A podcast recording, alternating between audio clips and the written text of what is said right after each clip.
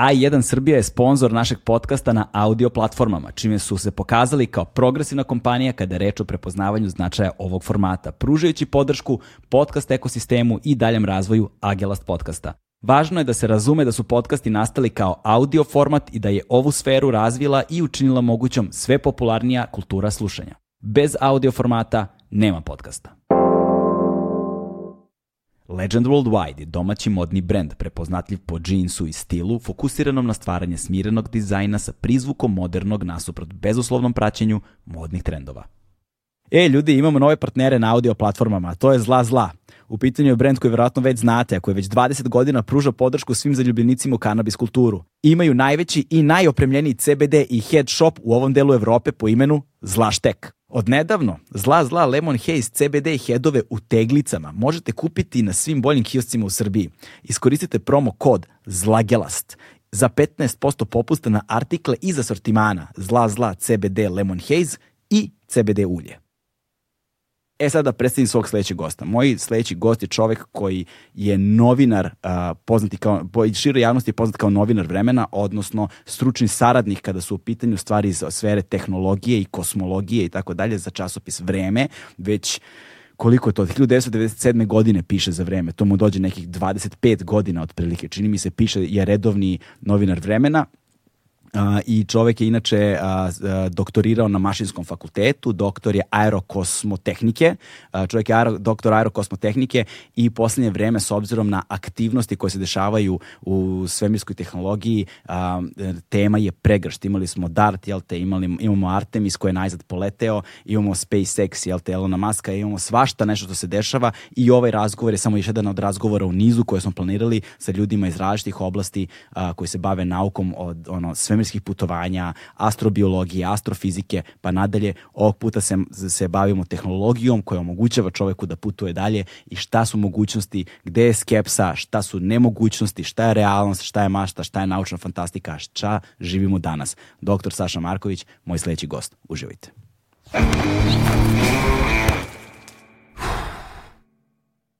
Hmm.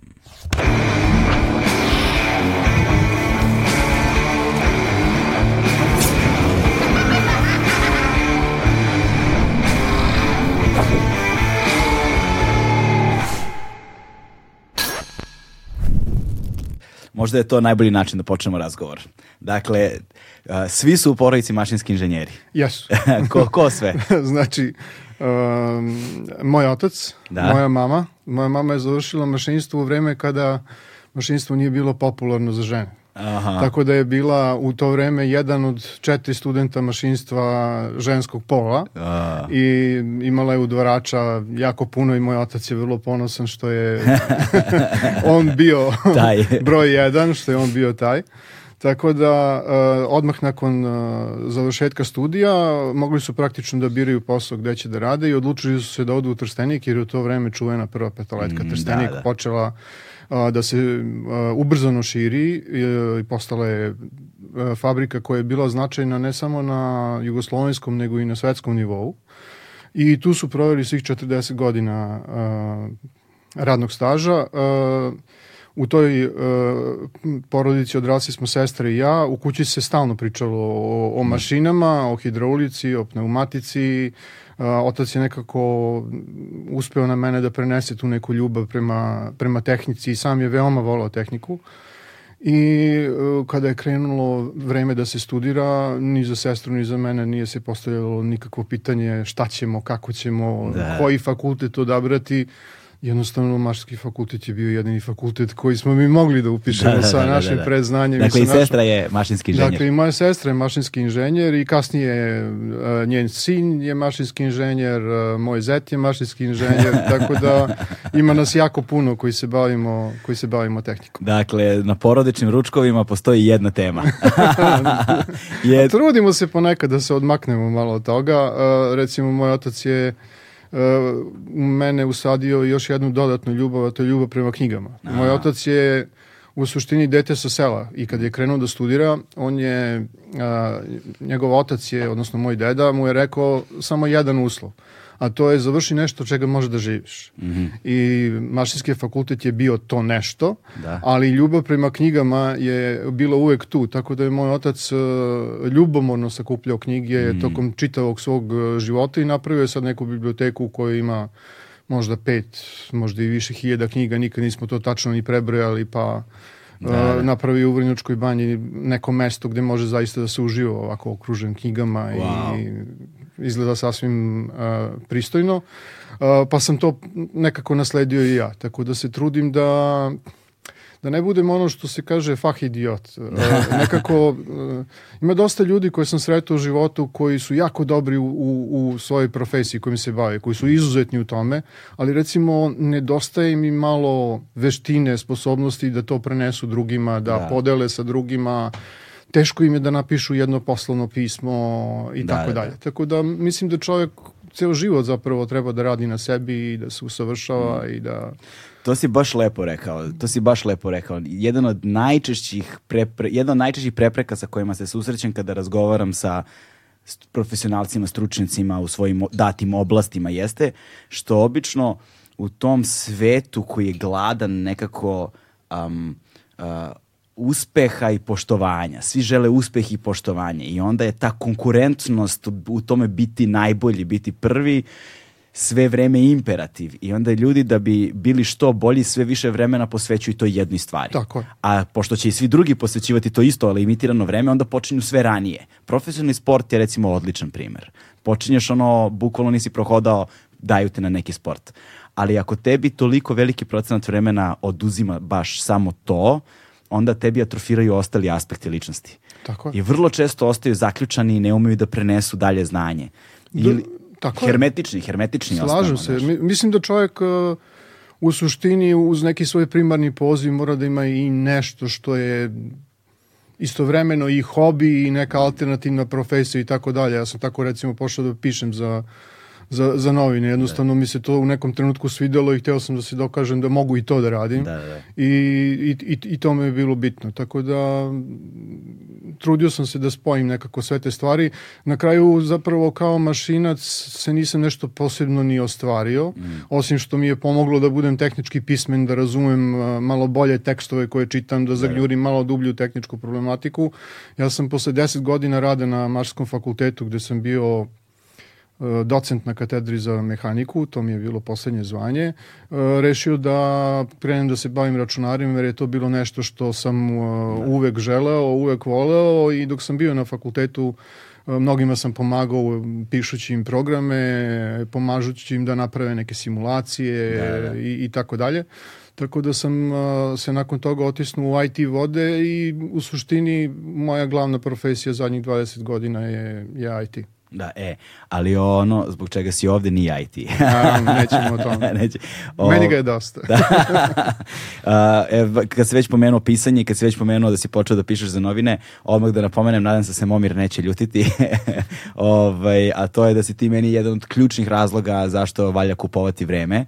A, ti, si, Hvala. ti si stručni saradnik, dopisnik, ne do, nije dopisnik, ali stručni, kako bi ti nazvao? Šta je tvoja, šta je tvoja titula? moja, moja avantura sa vremenom je počela simpatično, znači tamo negde 93. godine u eri one hiperinflacije mm -hmm. uh, i siromaštva, ja sam tad još uvek bio na, na fakultetu i sećam se da je jedna moja na, plata na fakultetu bila 5 maraka, a topli obrok bio 2 marke. Znači, zaradio sam za ceo mesec 7 nemačkih maraka mm. i bio sam prinuđen da tražim neki dopuski posao jer smo supruga i ja, ne mogu da kažem da smo živjeli teško, ali da smo živjeli oskudno kao i svi ostali. Da. I onda se pojavio neki oglas u vremenu koje smo kupovali i čitali u to vreme. To nam je bila neka oaza koja nas je čuvala od ratnog ludila u, mm. u, u to vreme.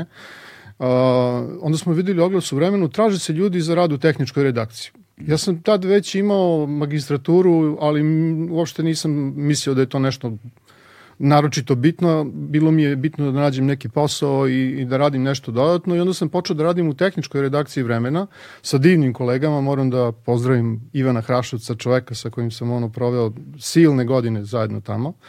Um, I uh, počeo sam da radim proste stvari, tipa prelom teksta.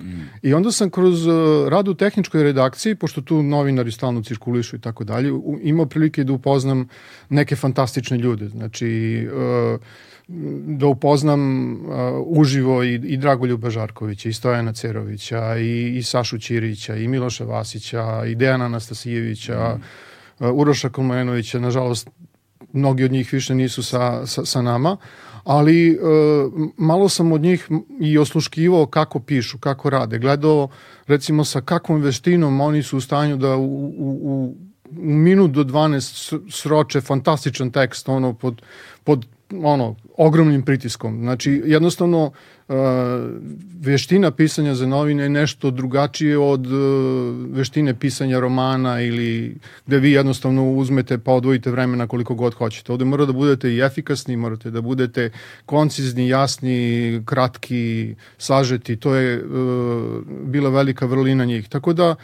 sam od njih pomalo počeo da gledam kako oni pišu te svoje tekstove. Duže, kraće, koja im je tehnika rada. Pratio sam ih tokom celog dana kako su ti tekstovi nastajali. I u nekom trenutku, tamo negde 97. godine, meni se učinilo ajde da probam, ono, možda bih mogao. I onda je uh, 97. godine na Mars letao Sojourner, to mm. je uh, bio prvi praktično rover, malecki rover koji je bio veličine skateboarda otprilike. Mm. Uh, I to je bila velika stvar. Posle dugo, dugo vremena na Marsu se desilo nešto značajno i ja sam uzeo onako da napisao tekst to se Dragoljubu Žarkoviću svidelo i onda sam počeo da pišem redano. Neki put sam izmišljao teme, neki put sam uh, dobio teme od urednika. Uglavnom pišem onako kako na teme koje urednik predloži, s tim što svaki urednik mi je dao maksimalnu slobodu da ja eventualno temu proširim ili malo izmenim i tako dalje. I od 97. godine pišem te neke pa, ajde kažemo, teme, znači malo duže tekstove koji traže neko vreme da se pročitaju i skoro baš kad sam gledao na nekom svom blogu gde čuvam te neke stare tekstove koje smatram boljim i vrednijim, vidio sam da ih se nakupilo oko 150, tako da, da s obzirom da su svaki od njih je poprilično dugačak, nije to baš ni ni tako malo. Da, da, nije to, ali ti long ridovi su zapravo najveća draž uh, nedeljnika, mesečnika, uh, ne, nešto što je polako u izumiranju i nažalost zato što su u medijima nestala tri osnovna elementa, a to su a, vreme, ne mislim na čas, čas vreme, nego na vreme za rad, sredstva za rad i ljudi koji bi ovaj, tim sredstvima raspolagali. Mi danas imamo ono redakcije koje su ispunjene ljudima koji uglavnom su fokusirani na društvene mreže gde moraju, jedna osoba mora da izbaci 13 nekakvih tekstova dnevno da bi navukli klikove, znaš. a nema više onoga da 13 dana pišeš jedan tekst. Nema, Toga nema. nema. I zapravo dok dobijemo odgovore na pojedina no, pojedina pitanje da obradimo dovoljno dobro pojedine teme, te teme više nisu u fokusu javnosti jer se smenjivanje tema strahovito ubrzalo zahvaljujući vremenu u kojem živimo. I onda su ovakvi tekstovi koje ti pišeš i koji nas, koje vreme čuva i dan danas i još, još po neki ovaj, su zaista dragoceni i samim tim mnogo, mnogo vredniji. Uh, I, i uh, jedan od razloga zašto kao valja imati pretplate danas. Šteta što ne pišeš za svaki broj. To mi je jedino A ti pišeš zapravo bilo... sporadično kada ima tema. Kada ima tema, da. da. da A evo da. u svemirskim istraživanjima, bogami i putovanjima u poslednje vreme imamo dosta tema. U poslednje tema. vreme ima da dosta tema, tako da primetio sam i da ono frekvencija tekstova koje sam pisao se povećala. Tako je, da. Jednostavno ima više događaja koje treba obraditi i nešto se dešava, mislim, mm. tako da I eto, sa time u vezi si ti zapravo ovde. Eto, naš, dali smo mali uvod, s tim u vezi zapravo ovde. Mi ćemo sada pričamo o tom tehničkom delu i aspektu mm -hmm. putovanja, svemirskih putovanja, projekcija, potencijalnih mogućih prema kojima si ti vrlo skeptičan, reći ćeš i ra, zašto, ali ćemo i obraditi ove aktuelne teme, jel te? Govorit ćemo, dakle, sada je bila ova DART misija, Artemis je, se najzad je poletao, Artemis je konačno. konačno je poletao, a treba još dva da se dese, Tako najzad je. konačno sa ljudskom posadom, treći treba da bude, pričat ćemo o svemu tome, ali bih voleo nekako da se vratimo uh, na, sam, na same početke, da ljudima nekako predočimo nešto što čini mi se da je izbrisano iz kolektivnog sećanja. Mhm. Nekako stvari su tu kao da su od uvek bile tu. Teško nam je da zamislimo uh, na koji način su se one razvijale i postepeno dolazile do svojeg finalnog oblika. Jer Artemis misija ili Artemis misija, odnosno to je Artemida u stvari, je tako? Tako je, Artemida, da, to da, je Apolonova sestra. Tako je. Kada, a, i, a, a, to je važno zato što Apollo 11 misija, Saturn 5 raketa koja je bila najveća, ja mislim, je li najveća? Ovo je, ovo je veća Saturna. Artemis je veći. Artemis je veći. Za koliko? Jest. Pa možda za jedno 20%. Wow, ne to nije spektakularno, malo. ali ne ni malo. Ne ni malo, nije ni malo. E, dakle, Saturn 5, ovaj, uh, kad posmatramo Artemis, mi zapravo govorimo o mnogo većem procentu sličnosti nego razlika u odnosu na Apollo misiju, kada govorimo o samoj tehnologiji Tako koja je. se koristi i o samom letu. Ovaj, zašto čovjek ide na mesec opet kada je već bio? Ali i ti si to u svom tekstu, o, sad ne znam koji je to tekst već bio, jedan od posljednjih tekstova, naglasio da da, da uh, mi ponovo, da Amerikanci ponovo uče kako da slete na mesec. Jer je toliko davno bila ta misija da su zaboravili kako tako to da urade. E isto tako smo mi u našim sećanjima zaboravili jer je sletenje na mesec već na nivou mita. Mnogi od nas ga nisu doživjeli, jer nismo bili živi prosto. tako je, tako da, e, mi smo generacija koja će sad to ponovo da doživljava. Ovaj, I onda bih volio da govorimo o tehnologiji. Šta je neophodno da se desi da bi čovek se odvojio od zemlje i odletao na mesec? I kako, kako, kako ide istorija te tehnologije i tih goriva i svega, ono, koja bi nam možda početna tačka bila kada bi smo objašnjavali ovu priču nekom ko ne zna ništa?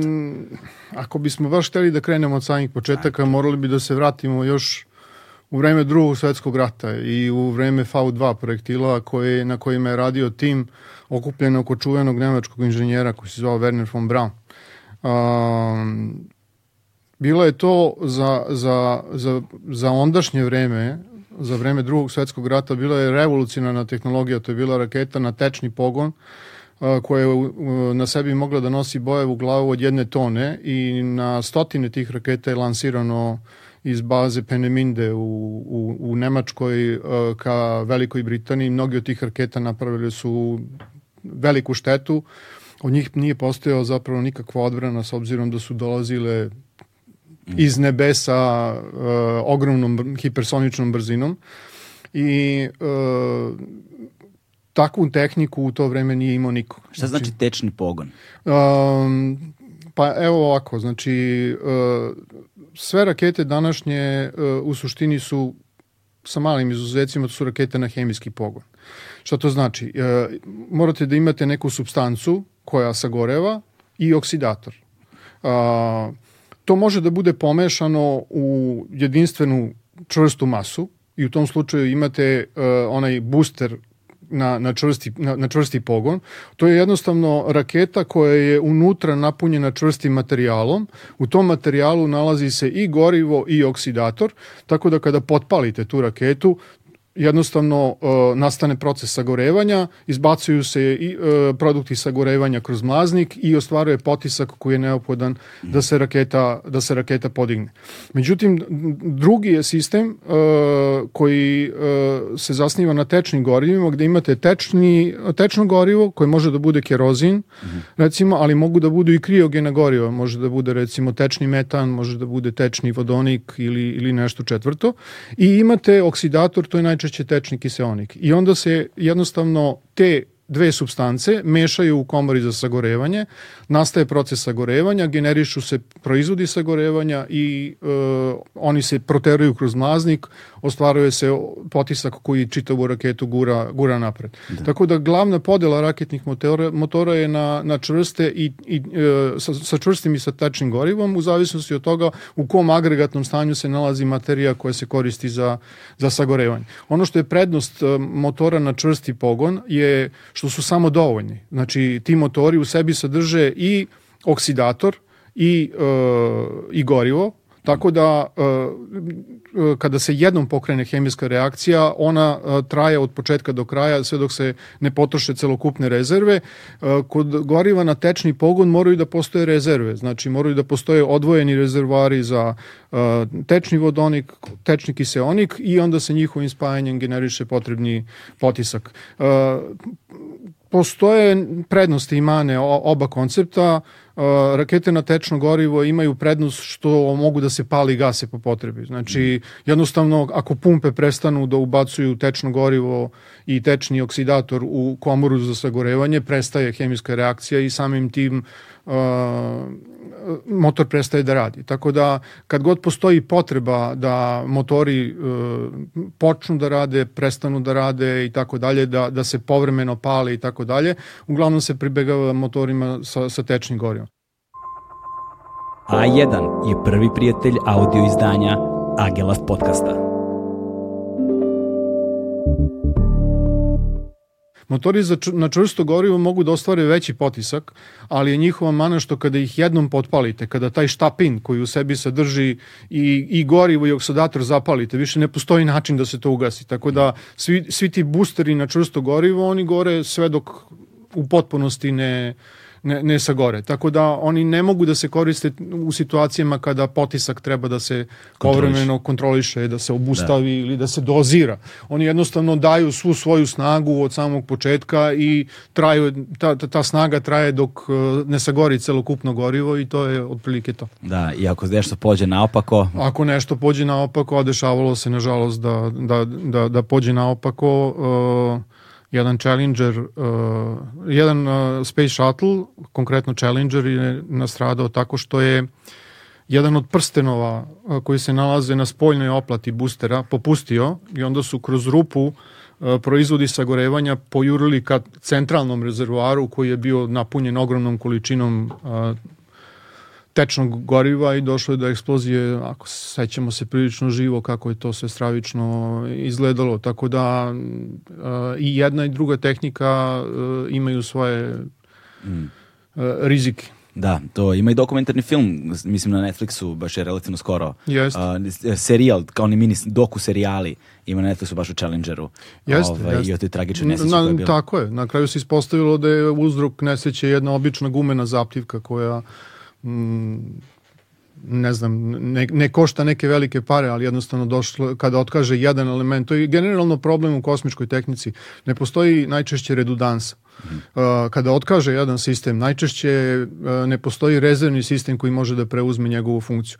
Danas imate rezervne kompjutere recimo na, na svemirskim stanicama i, i, i tako dalje, ali mnogi podsistemi, naročito kada je u pitanju pogonski deo, nemaju nikakvu redundansu. Znači ako tu nešto krene naopako, onda vrlo često cela misija može da bude ugrožena. Kao što je bilo sa prethodnim uh, otkazivanje 40 minuta pred poletanje, mislim da je bilo tako sa prethodnim je, Artemisom. E da. sad kad smo stigli do tog VU2, znači mm. ono što se, ono interesantno što se desilo, to je uh, Nemačka je naravno, ko što se znamo, izgubila uh, rat.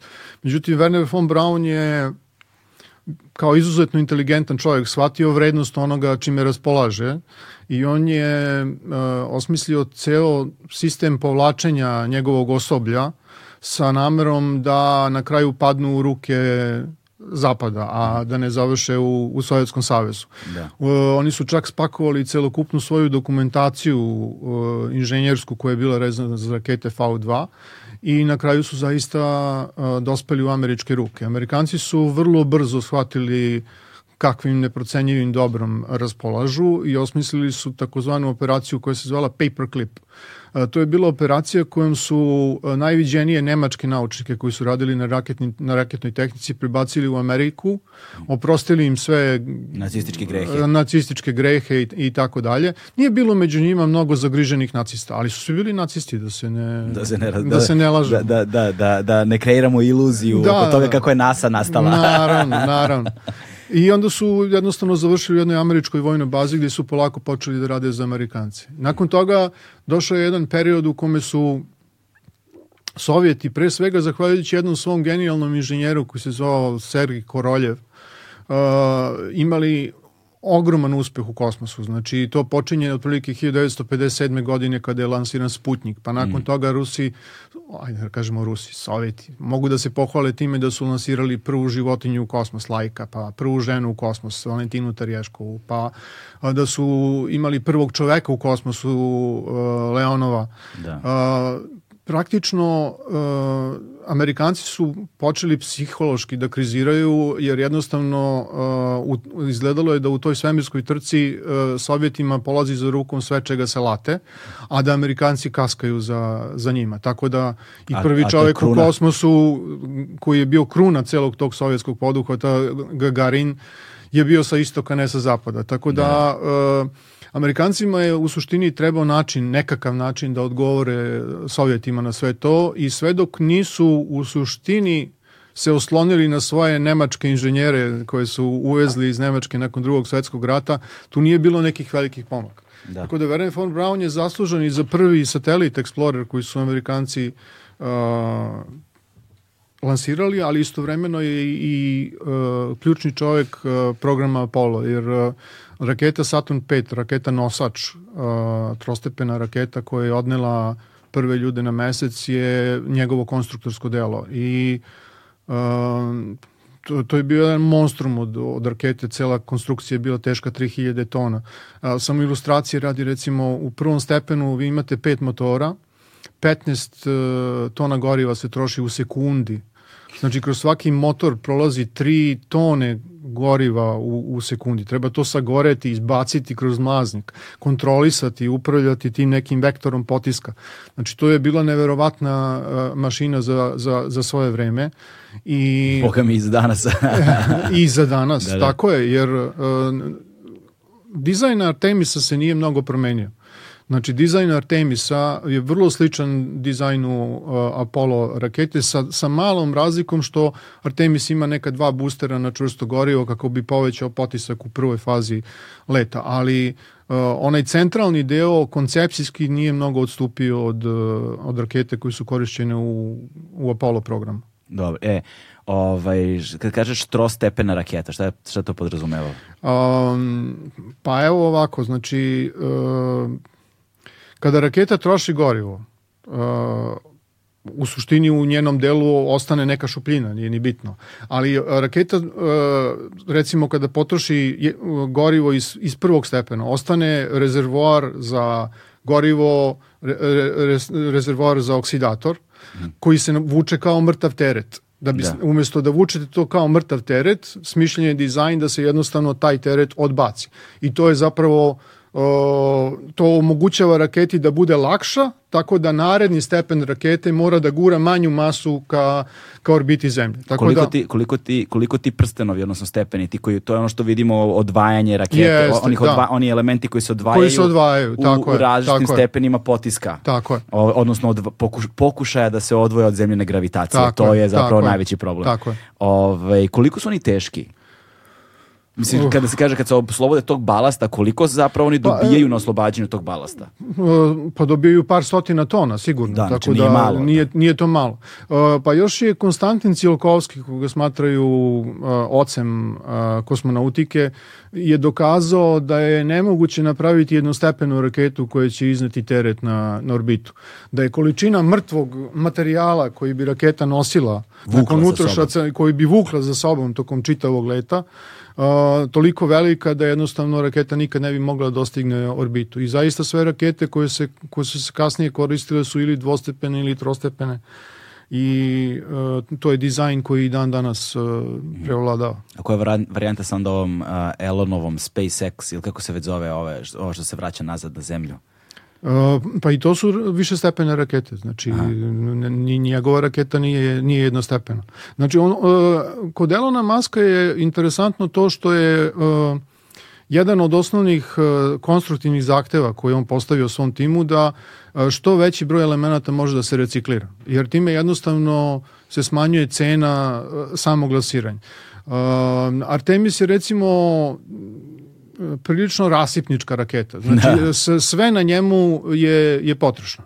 Znači, od boostera na čvrsto gorivo, ona dva, one dve uh, tanke, tanka raketna motora na čvrsto gorivo koji se nalaze sa strane, pa do prvog, drugog stepena, ništa od toga se uh, ne spašava za, za narednu upotrebu. Sve završava u okeanu i bukvalno se baca, tako da cela raketa mora da se napravi iz početka. Dok Elon Musk zapravo uh, ceo prvi stepen znači i boostere, znači može da reciklira ponovo i da iskoristi u nekoj uh, narednoj misiji. Mm -hmm, dobro. E, a, dakle, to, to nam napravili smo postavku istorijski, dakle, e, ko su bili ljudi i kako smo došli do onoga što je bila potreba za takozvanim, on, ne za takozvanim, nego za sletanje na mesec, jel te, za da, Apollo da. 11. E sada, da bismo razumeli fiziku iza svega toga i šta je to sa čime se suočava, suočava čovek kada, jer nekako treba razumeti uh, ovaj, u trenutku kada su oni rešili da slete na mesec, a, nije postojala ne, nema istorijskog osnova na osnovu kojeg bi oni mogli da planiraju svoje sletanje. a, a o tehnologiji... O sve ima prvi put. Sve ima prvi put, dakle prvi je put.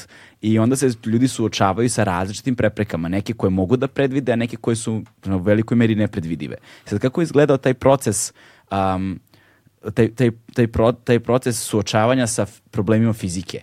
Dakle, kako jedan običan čovek koji nema puno znanja o fizici, a kamoli o tome sa čime se suočava kada se odvajaš od zemljine gravitacije, šta te čeka nakon zemljine gravitacije, pa šta je niska zemljina orbita, visoka, visoka zemljina orbita i, i, i na koji način se zapravo stiže i upravlja raketom koja treba da sleti na neku određenu tačku, a to znamo da se prilično precizno radi. Da.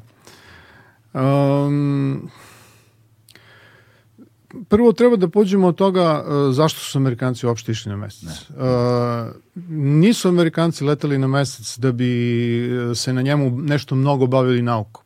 Svi astronauti koji su sleteli na mesec, njih 12, od 12, 11 su bili zapravo vojna lica.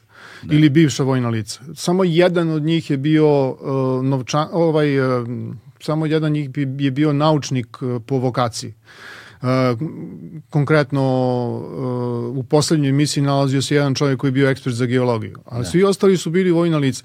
Amerikanci su se odlučili da slete na mesec ne zbog toga što je to lako, nego zbog toga što je to teško. I, tako je uh, rekao Kennedy u svom tako govoru. Tako je rekao Kennedy u svom govoru, a pre svega Amerikanci su želeli da postave cilj koji oni imaju šanse da ostvare, a Rusi nemaju nikakve šanse da ostvare. Um, hladni rat je čudo, a? Hladni rat je čudo. Um, treba imati u vidu da je Sovjetski savez uradio mnogo um, da učestvuju u trci za, za mesec.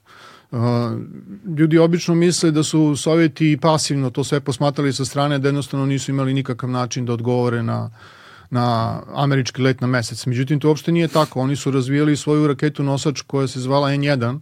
To je bio jedan monstrum od rakete sa ne znam koliko, 30 motora u, samo u prvom stepenu. E, koordinacija tih motora je bila nerešiv problem za njih. Tako da su svih pet lansiranja te rakete nosača N1 završeni katastrofama. Uh, Uh, niko nije stradao jer su to bili letovi bez ljudske posade, ali nakon toga Sovjeci su odustali i digli ruke od, od svega toga. Tako da Sovjeti... Skupo je. Bi, uh, bilo je suviše skupo i druga trka je već bila završena. Jednom onog trenutka kada ste se vi spustili na mesec, tu priča o, o tome ko je prvi se završava i tu su Amerikanci povratili neko svoje dostojanstvo i poverenje u sobstvene snage koji im je dugo vremena uh, uh, nedostajao. Mm -hmm. Ok, dalje. Uh, E sad, ni sami Amerikanci nisu znali sa čim će sve da se susretnu onoga trenutka kada budu krenuli na, na mesec. Bilo je tu mnogo izazova, ali opet da ne precenjujemo nešto mnogo stvari. Mesec nije preterano daleko. Mislim, jeste kada govorimo u nekim zemaljskim merama, 384.000 km je prosječno rastojanje zemlje od, od meseca. Uh, ali to nije neko rastojanje koje se ne može prevaliti uh, ni starim raketama, a kamoli ovim, ovim novim. Uh, mislim da je uh, glavni problem bio uh, kod Amerikanaca kako spakovati sve ono što je potrebno u uh, što manju masu. Znači, to, to je bio veliki izazov. Uh, Jednostavno, Saturn 5 jeste bio jaka raketa, ali uh, količina tereta koju može da iznese na orbitu je bila ograničena i uh, Amerikanci su prosto poskidali sa svog broda sve što su mogli. Recimo, interesantan je detalj da je mesečni modul mm -hmm. bio zapravo napravljen od... Evo vamo 3D Aha. printer, da. da. uh, mesečni modul koji se onaj deo koji se spušta na mesec. Aha, ceo ovaj. Da, onaj da, da. jeste koji je imao onako neki neobičan oblik, e, nepravilni oblik. Je bio u suštini napravljen od tanke metalne folije. Nazovimo ga kao pauk. Jeste. Uh, jednom se desilo recimo da na, da na zemlji tokom montaže je nekom radniku ispao ključ. -huh. I on je probio pod ceo. To je toliko bilo tanko. Znači, da.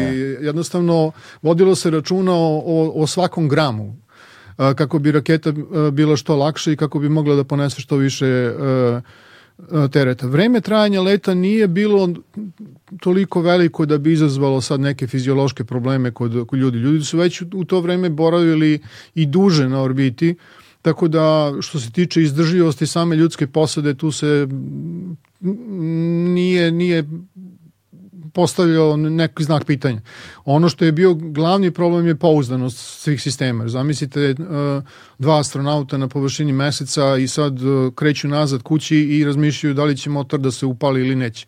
Pričemu ako se ne upali to je, to je kraj tu, nema, nema servisiranja, nema, nema popravke. Tako da ta pouzdanost sistema je bila od, od kritičnog značaja i treća stvar koja je bila jako bitna u, u, u celom tom poduhvatu su bili kompjuteri. Kompjuteri su se tu prvi put onako baš pošteno dokazali kao sprave bez kojih čovjek jednostavno ne bi takvu misiju mogao da izvede. Uh, ti kompjuteri su bili, imaju, su bili smešnih snaga u, u poređenju sa današnjim mobilnim telefonima, da ne govorimo o nekim super kompjuterima i kompjuterima koji se danas koriste na orbitalnoj stanici ili koji se koriste u Artemisu ili u, u brodovima Elona Maska, mislim. Uh, ali i dalje su bili dovoljni. Recimo, kompletan postupak uh, uh, spuštanja na mesec, ona poslednja faza kada mesečni modul prilazi uh, površini uh, kada treba da se pristane na, na, na zemlju, uh, na tle, je zapravo bila koordinisana od strane kompjutera. Da, Tako, ti kompjuteri su bili koje snage? Mislim, kad bismo ih uporedili...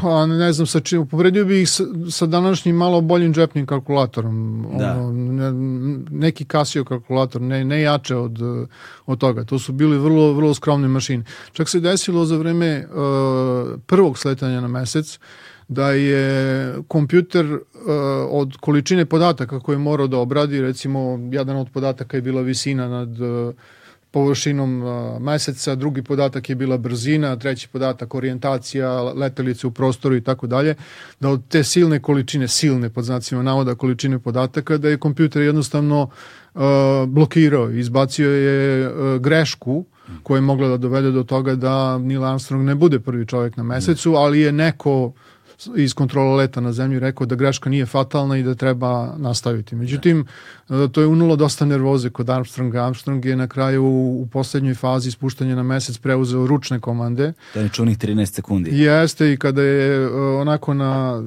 na, na, na veliku zabrinutost ljudi u kontroli leta preuzeo kontrolu nad brodom i tražio pogodno mesto za sletanje pomalo zaboravljajući količinu goriva koja je ostala u, u, u rezervoarima E, čak su u jednom trenutku u kontroli leta rekli da, da su rešili da ćute i da više ne daju nikakve savete Armstrongu jer jednostavno sve je bilo u njegovim rukama i bilo je suviše kasno za bilo kakvu intervenciju sa zemlje, ali na kraju se sve završilo onako kako treba.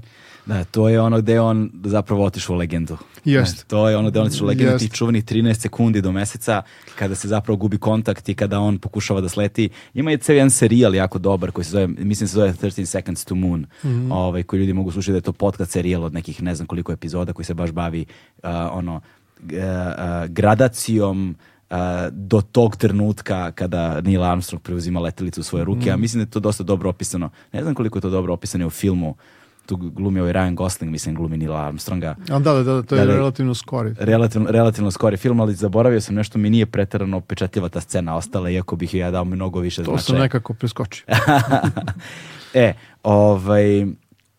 Uh, kada, kada čovjek, da objasnimo ljudima prosto, uh, mi govorimo tim stotinama tona goriva u sekundi i potiscima i tako dalje. Hajde nekako da ih, da ih ilustrujemo. Koliki su to potisci i zašto su oni toliko važni? I, uh, i šta je najveća problematika u suštini koju je čovjek uspeo da reši, ali i dalje nosi veliki rizik sa sobom, ovaj, odvajanja od zemljene gravitacije? Pa pre svega e, neophodno je da postoji motor određene snage. Vi ako imate letelicu koja je teška nekoliko hiljada tona, to znači da potisak mora da bude toliko, minimum toliko mm. veliki i plus neka rezerva da bi se ostvarilo potrebno ubrzanje kako bi letelica ubrzavala. Te e, nije toliki problem u, u samim motorima, problem je u tome što je Amerika nakon projekta Apollo uh, taj koncept napustila. Iako je Werner von Braun imao ideju da uh, iskoristi Saturn rakete za led do Marsa i neke druge interesantnije uh, poduhvate, tri rakete su ostale u suštini neiskorišćene, na kraju su završile kao eksponati u američkim muzejima.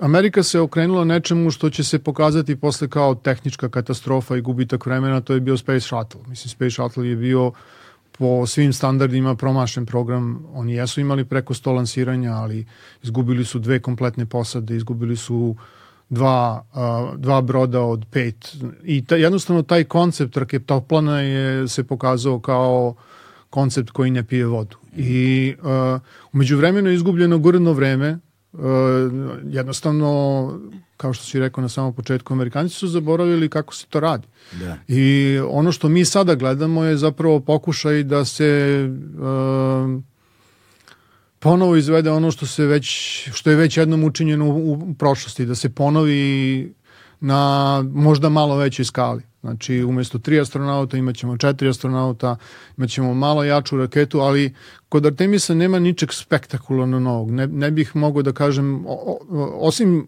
najspektakularnije kod Artemisa je činjenica da se on desio posle toliko godina i da eto imamo sad konačno neku letelicu koja se nalazi u mesečevoj orbiti, sutra će tu biti neki astronauti, pa možda u trećoj emisiji budemo imali i astronaute na površini meseca.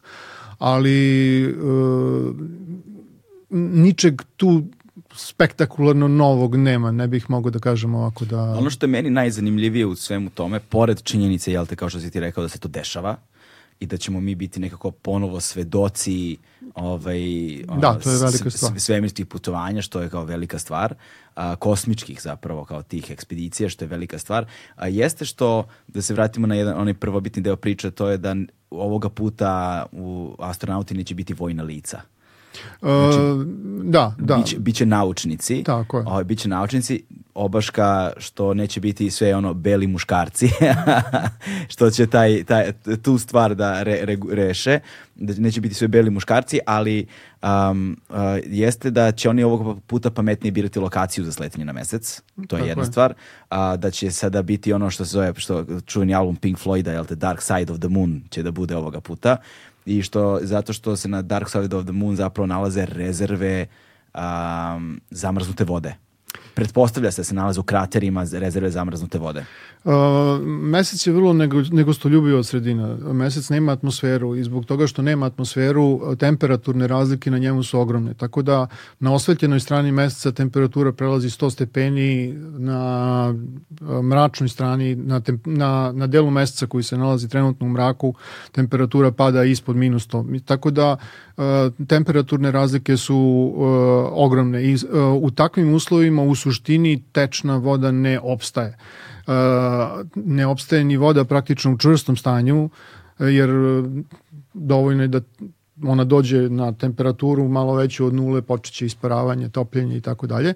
Međutim, ono što su naučnici otkrili na svoje veliko iznenađenje, to je da postoje neki krateri uh, u delu južnog pola uh, Mesečevog koji se nalaze u permanentnoj senci. Jednostavno imaju ivice kratera toliko visoke da je jedan deo kratera neprekidno u senci čak i kada je taj deo meseca okrenut ka suncu, uh, gde u suštini postoje uh, kako su radarska osmatranja pokazala, postoje uh, zalihe vode, odnosno leda, na relativno malim dubinama, ma, dubinama koje su dostupne uh, ljudima za iskopavanje. Da, za uh, to bi bilo vrlo značajno, to će se ispostaviti kao vrlo značajno ukoliko se zaista nastavi putem ka uspostavljanju stalne mesečeve baze. Jer uh, ako imate stalnu bazu na mesecu, vi nju morate na neki način da snabdevate i kisonikom, i vodom, i hranom, i uh,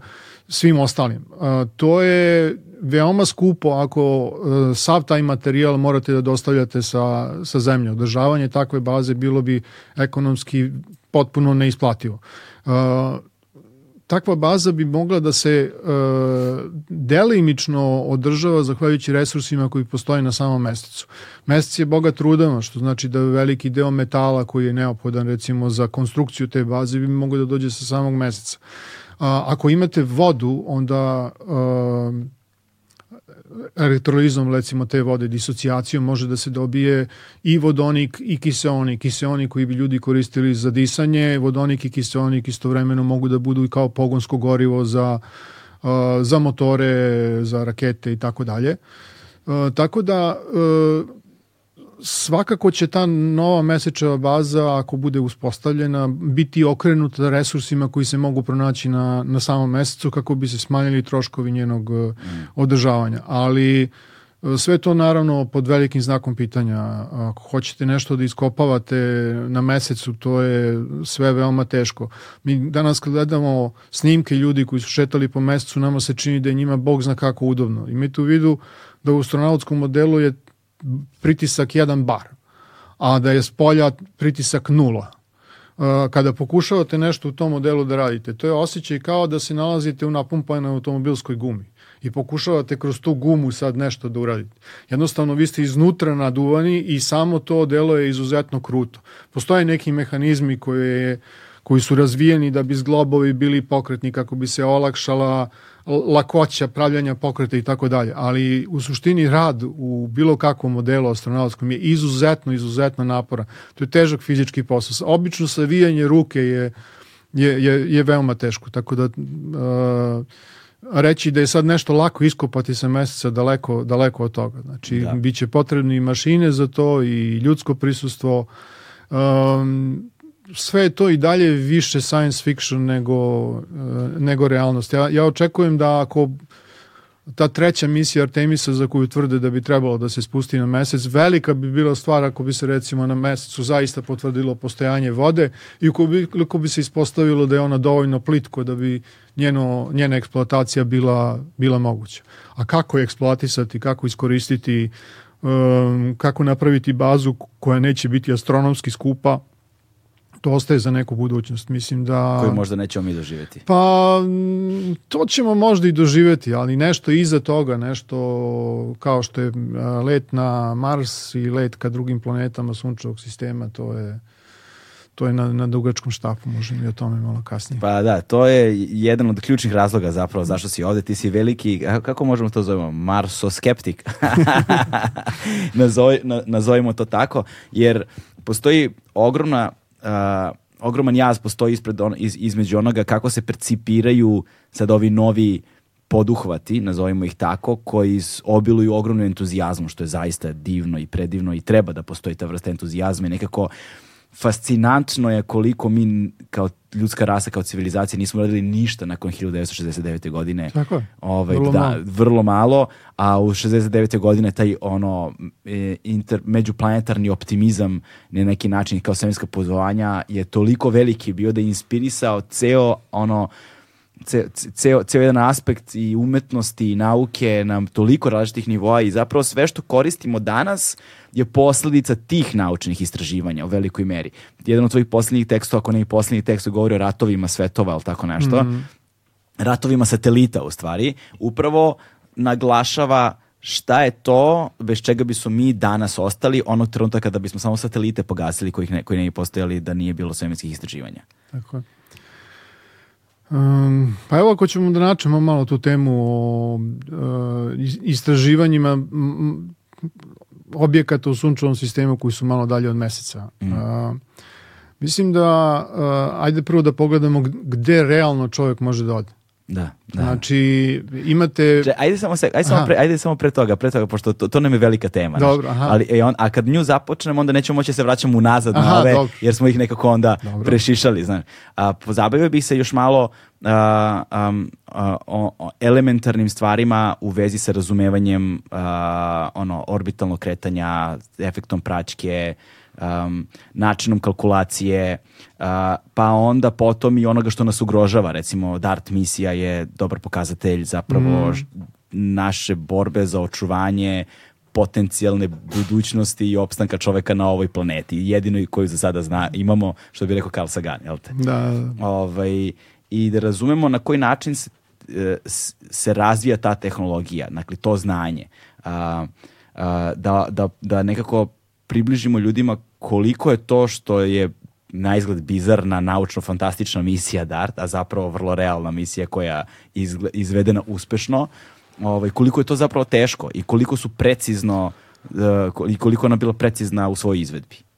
Pa, misija DART je jako interesantna jer je... Uh, Objasnimo ljudima prvo šta je DART misija za one koji ne znaju. Da, uh, Ajde da se vratimo na, na jednu, jedan događaj iz daleke prošlosti, znači tamo negde pre otprilike 65-66 miliona godina jedan asteroid uh, prečnika 10 km i udario u zemlju i doveo do takvih katastrofalnih razaranja koje su u potpunosti izmenili uh, izgled života na zemlji. Najčuvenija posledica tog udara je nestanak dinosaurusa sa sa lica zemlje i uh, stvaranje pozornice za uspon sisara mm. koji su postojali i pre uh, tog udara asteroida, ali su tavorili jer jednostavno nisu mogli kao uh, vrsta da se razviju od supremacije koju su imali gmizaci i dinosaurusi u to, u to vreme. Tako je. Tadašnji predatori. Jeste. Uh,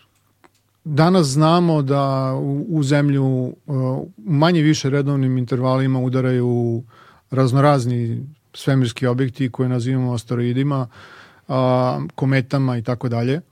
I uh, meni je ono fascinantno koliko zapravo ti objekti mogu da budu mali, a koliko veliku štetu mogu da, iz, da izazovu. Tako recimo uh, svega 10 km je bio prečnik asteroida koji je zbrisao sve dinosauruse na čitavoj zemljinoj kugli, preostale su samo ptice. Ptice su inače dinosaurusi, ako, da, ako niste znali. Uh, Kokoška je Tyrannosaurus. to otprilike. Mislim da jeste da je kokoška potomak Tyrannosaurusa. Mislim da to zaista jeste tako, da. Jeste, jeste. Proguglaj to i ti, ali mislim da jeste, da. Jeste, jeste. Da. CBD je, pored THC-a, najistraženiji kanabinoid iz sveta industrijske konoplje. Samo što on nema psihoaktivno dejstvo. Mnoge studije potvrđuju njegove pozitivne efekte i pomoć pri problemu sa spavanjem. CBD ne uspavljuje niti omamljuje, ali je san čvršći i kvalitetniji. Tako reći, budimo se odmorniji. Uh, ima dosta primjera, znači, danas se recimo pretpostavlja da bi udar meteorita veličine 100 km definitivno zbrisao ceo život na zemlji, uključujući i bakterijski. Da. Uh, tako da uh, taj objekat ne mora da bude beskonačno veliki, ne moramo mi da se sudarimo sa Marsom ili mm. uh, Plutonom da bi ceo život na zemlji nestao, dovoljno je mnogo manje nebesko telo. Uh, i s obzirom da se to dešava u manje više redovnim vremenskim intervalima, čovečanstvo jednostavno mora da bude spremno da se od toga brani. E sad, kako se odbraniti od nekog objekta koji hrli ka tebi brzinom od 20, 30, 40, 50, 100 km u sekundi? 100 km u sekundi? Da, sekundi. Da, da, u sekundi, to je to su fascinantne brzine. fascinantne brzine. Najveći problem sa svime ko, najveći problem sa svime kosmičkim je upravo u tome što je teško postaviti brojke tako da ih razumeš. Pa jeste. Problem sa kosmosom je što je kosmos uh, zapravo priča o velikim brojevima. Da. I ako nemate neki način da vizualizujete te brojeve, onda vrlo često ostanete uskraćeni za, za pravo shvatanje e, određenog aspekta e, kosmosa. Recimo ilustracije radi kad kažemo da se ono asteroidi kreću brzinom od 50-100 km u sekundi, brzina zvuka je 340 metara u sekundi. Zvuk putuje relativno brzo, znači to je svega 0,3 km u sekundi. Se zamislite nešto što ide 100 da. km u sekundi, to je 300 puta brže od zvuka, znači to je 300 maha. Da, da, da. 300 maha. A najbrži avioni idu koliko dva? Uh, pa ima, ima ono kad probijaju zvučni zid, to je jedan mah. To je jedan mah, tako je. Većina uh, ovih borbenih aviona ide do dva, dva, tri maha, a postoji recimo i onaj um, SR-71 crna ptica, Blackbird, američki koji postiže i 6-7 mahova. Koje su to G sile je? Pa, tu nema, tu nema ljudske posade. Ima. Ima je, bote. Koje su to G sile? Ono? E, manje su problem G sile, veći problem su temperature. Kako mm. brzine rastu, uh, raste i uh, pritisak. Pritisak uh, sa kojim se ta konstrukcija uh, susreće. Pri vazdušnom otporu. Jeste, pri vazdušnom otporu postoji tačno mesto na na aeroprofilu gde uh, je temperatura najveća i te temperature su vrlo često i preko 1000 stepeni kada govorimo o supersoničnim mm. letovima, letovima sa nekoliko mahova. Recimo taj avion ima, ima problem što uh, zbog velike temperature koju ima prilikom normalnog leta, on je na zemlji skoro metar kraći nego što je u u vazduhu. Wow. I uh, vrlo je teško napraviti konstrukciju koja će da bude kompaktna. Mm. Uh, I pri jednoj dužini i pri većoj dužini koju ima tokom leta. Tako da recimo iz tog aviona se bukvalno prosipa gorivo kada ga natankiraju dok je na zemlji. On tek kada je u letu i dostigne svoju operativnu temperaturu, popuni sve te svoje šupljine, rupe, tanke proreze i tako dalje i dostiže neku operativnu temperaturu Aha, na znači kojoj može dalje da leti. Znači on izgleda švajcarski sir dok je, tako je, dok je, dok je, dok je na, zemlji, curi gorivo sa sve strane, vidi ovu šklopociju. tako je, ali malo se zna o tim avionima. To je da, avion koji je ono, služi, nije naoružan, služi isključivo za špijunske misije. Nasledio je onaj čuveni U2. Da, da, da, U2 čuveni. U2 po kojem je bend dobio ime, koji, jeste, koji se srušio u Rusiji, tako negdje u. Oboren je iznad Rusije. E, Amerikanci su bili toliko ubeđeni da recimo YouTube e, leti toliko visoko da ga niko ne može skinuti. Mm. I onda su ga Sovjeti skinuli i zarobili su pilota, zove se Gary Powers, da. koji je na kraju vraćen u Ameriku, tako da Čele nije to... bilo ljudskih žrtava, ali je to bio dokaz da uh, su Amerikanci dosta pocenili sovjetsku tehniku. Na, kako ga čovjek napravi, čovjek može da ga sjebe. Tako Što je, nema zezanja. e, a... Ima mnogo tih izazova, mm. mislim, sa, tehničkih sa kojima se uh, susreću uh, letalice u kosmosu. Jedan od velikih problema je određivanje položaja. Mm. Jer uh, u kosmosu nema GPS. GPS mi imamo na zemlji i nekako smo se navikli na njega kao da je svuda tu oko nas i dovoljno pogledamo u mobilni telefon, znamo gde se sa preciznošću od 5-10 metara nalazimo bilo gde na zemljenoj kugli da se nalazimo. U kosmosu toga nema. Vi možete na bazi položaja zvezda, udaljenih zvezda, da shvatite koja je vaša orijentacija aha, severnjača mi je ovde. ovde kao brodovi mi, nekada. Kao brodovi nekada, a i mogu da, na osnovu toga može da se utvrdi orijentacija, ali vi ne možete da na bazi orijentacije da utvrdite da li ste uh, 100.000 km od meseca ili 400.000 km od meseca. Navigacija se radi pomoću radio signala koje brodovi razmenjuju sa, sa zemljom i to trenutno postaje uh, prilično usko grlo jer s obzirom na broj letelica i satelita i sondi koje su trenutno u opticaju, uh, količina bendvita koja je neophodna da bi se samo uh, odredio precizno položaj svemirskog broda je uh, uporediva sa onim sa čime trenutno raspolažemo, tako da već se traže načini kako da se na neki jednostavniji način sa manje protoka informacija pouzdano utvrdi gde se letelica trenutno nalazi. Recimo, to je jedan od e, velikih problema sa kojima sve letelice moraju da se, da, da se suoče. E, I takođe e, pouzdanost. Znači, da. kada je čovjek na, na, na mesecu, on je bespomoćan ako ga ako se motor za povratak na zemlju ne, ne, ne upali. Zato recimo ti motori funkcionišu tako što su uh, gorivo i oksidator napravljeni od specijalnih substanciji koje ne traže neki upaljač da bi počele da međusobno reaguju, nego u onom trenutku kada te dve substance dođu u kontakt, nastane spontana hemijska reakcija, sama se smesa pali i motor se aktivira. Tako da recimo na lunarnom modulu kome su ljudi sletali na mesec, motori za povratak na orbitu e, su se palili tako što su se odvrnula dva, dva ventila, jedan za gorivo, drugi za oksidator.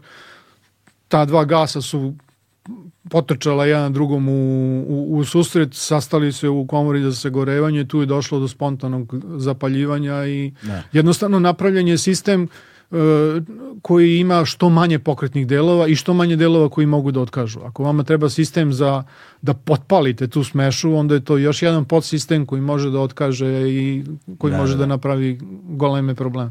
Kako se oni ponašaju pre niž, nižoj gravitaciji od zemljine? To je sad, znaš, kad to kad kažeš pohrle, pojure, nije baš da pohrle, pojure na mesecu. Pa jeste, ali e, obično recimo e, kada se gorivo meša u, u komori za sagorevanje. Ne meša se pod dejstvom gravitacije, mm. čak ni u, u raketama koje se nalaze na zemlji, recimo vodonik i kiseonik, neće u komoru da uđu pod dejstvom sobstvene težine. Postoje posebne ogromne pumpe, vrlo mm. efikasne pumpe, koje jednostavno pumpaju i na silu teraju gorivo da se sretne u, mm. u, komora, u komori za sagorevanje. Da, ali to je onda još jedan podsistem koji je... tako je, tako je, tako je. Za sada je pitanje koliko tih podsistema ima da bi jedan celokupan sistem mogao da... Pa ne mora da bude pumpa, recimo da. može da bude i rezervoar, na primjer helijuma koji se nalazi pod pritiskom, jednostavno odvrnete slavinu i taj gas pod pritiskom tera gorivo u komori, komoru za sagorevanje i mm, da. tako da ima mnogo načina da se konstrukcija pojednostavi uh, a da i dalje obavlja svoju da. primatnu, primarnu da se, funkciju. Da se mi vratimo na percipiranje ono veličina redova veličina svega jel te u kosmosu i na DART misiju, dakle imate asteroid koji se kreće 300 maha brzinom, 300 puta većom brzinom od brzine yes. zvuka. I treba ga pogoditi sa zemljom, to je otprilike kao, šta ja znam, na da gađate mu u drugoj državi. to, e, to su ilustracije koje su mi potrebne. Pa sad da. neko bi mogao kaže nije muva, više komarac ili mogli bi da se raspravljamo oko toga, ali da. to je otprilike taj red veličine. Da. Znači, uh, Amerikanci su želeli da pokažu da ako asteroid udare određenom, određenim predmetom, ovde je to konkretno bio čitav, čitava sonda, da će biti u stanju da promene njegovu brzinu i položaj za određenu veličinu. Mm -hmm. uh, ukoliko imate asteroid koji juri prema zemlji, recimo, da.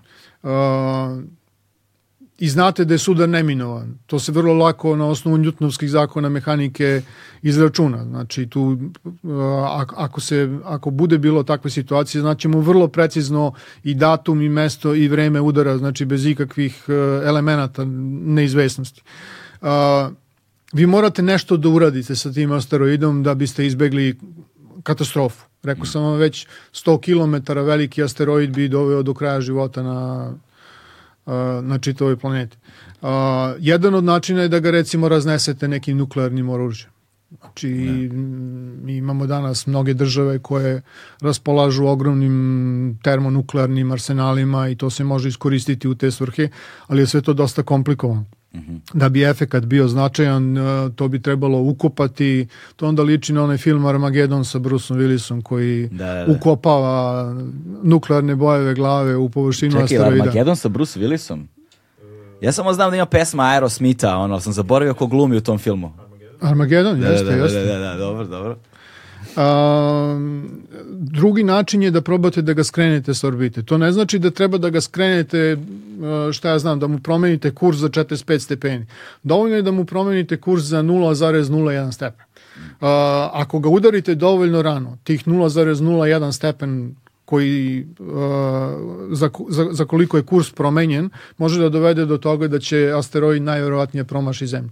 Tako da uh, nije neophodno potpuno ga izbaciti sa putanja. Dovoljno je malo da. promeniti putanju tako da on prođe iza zemlje, ispred zemlje i da... To, to je kao kad donosiš neke na izgled male životne odluke pa onda 20 godina kasnije vidiš posledice njih. tako je, tako je.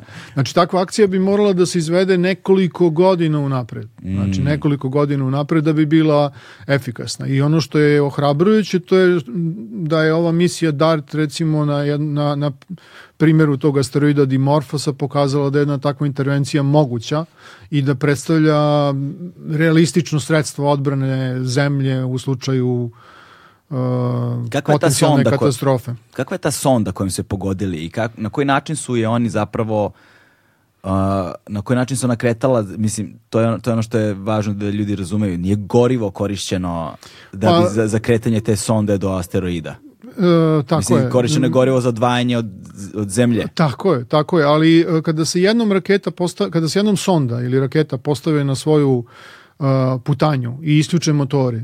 Nakon toga je kretanje vrlo predvidljivo. Znači, postoji samo jedna sila koju treba uzeti u obzir, to je gravitacijona sila. I kada modelirate nešto što je tako zgodno kao što je sonda i mnogo masivniji objekti oko nje, planete, asteroidi i tako dalje, to se uh, na, u kompjuterima može uh, simulirati sa skoro 100% preciznošću. Uh, stvari u tome da je Newtonov zakon gravitacije u suštini vrlo prost i uh, jako je zgodan za matematičke simulacije, tako da u suštini ako želite nešto precizno da pogodite, treba jednostavno da ga postavite na pravu putanju, i isključite motore i da čekate da se to samo po sebi desi. Najčešće uh, se čitav let tako i izvodi. Recimo, kada imate sonde koje lete na Mars, one koriste motor samo u početnoj fazi dok ne postave letelicu na putanju ka Marsu. Nakon toga motori ne rade i letelica po inerciji leti ka Marsu. Eventualno se negdje na polovini leta do Marsa proveri da. putanja, trajektorija i naprave minimalne korekcije, neki put čak nisu ni neophodne, e, da bi se letelica našla na, na, na određenom pravcu. Drugo, postoje brojne tehnike pomoću kojih letelica može bez utroška goriva da menja svoju brzinu i orijentaciju. To su to, je takozvana gravitaciona praćka. Znači, e, letelica može da proleti ispred planete ili iza planete i u zavisnosti od toga da poveća ili da smanji svoju brzinu i da promeni kurs. E sad ako precizno... Kako ono... to funkcioniše? Hajde da pojasnimo samo taj Newtonov, Newtonov gravitacioni zakon, jel te, i, i, i, i šta znači iza planete, ispred planete, I, i to mi, pa, uh, planet... izvini se, zato što u, u gomili popularnih tekstova, do, dokumentarata, svega se samo pomene isto tako, gravitacijona praćka, ali se nigde ne pojasni na koji način tačno funkcioniše za nas koji ne umemo to matematički da izračunamo. da, da, da. Pa svako telo ima gravitaciju, gravitacijnu silu kojom deluje na sve objekte koji se nalaze u njegovoj okolini. Znači, sonda je neprekidno izložena dejstvu gravitacije. A, ako imate sondu koja leti ne direktno u planetu, nego leti recimo malo ispred nje ili treba da proleti malo iza nje, planeta će svojim gravitacionim poljem, dejstvom svoje gravitacije da zakrivi putanju mm. a, same, same sonde.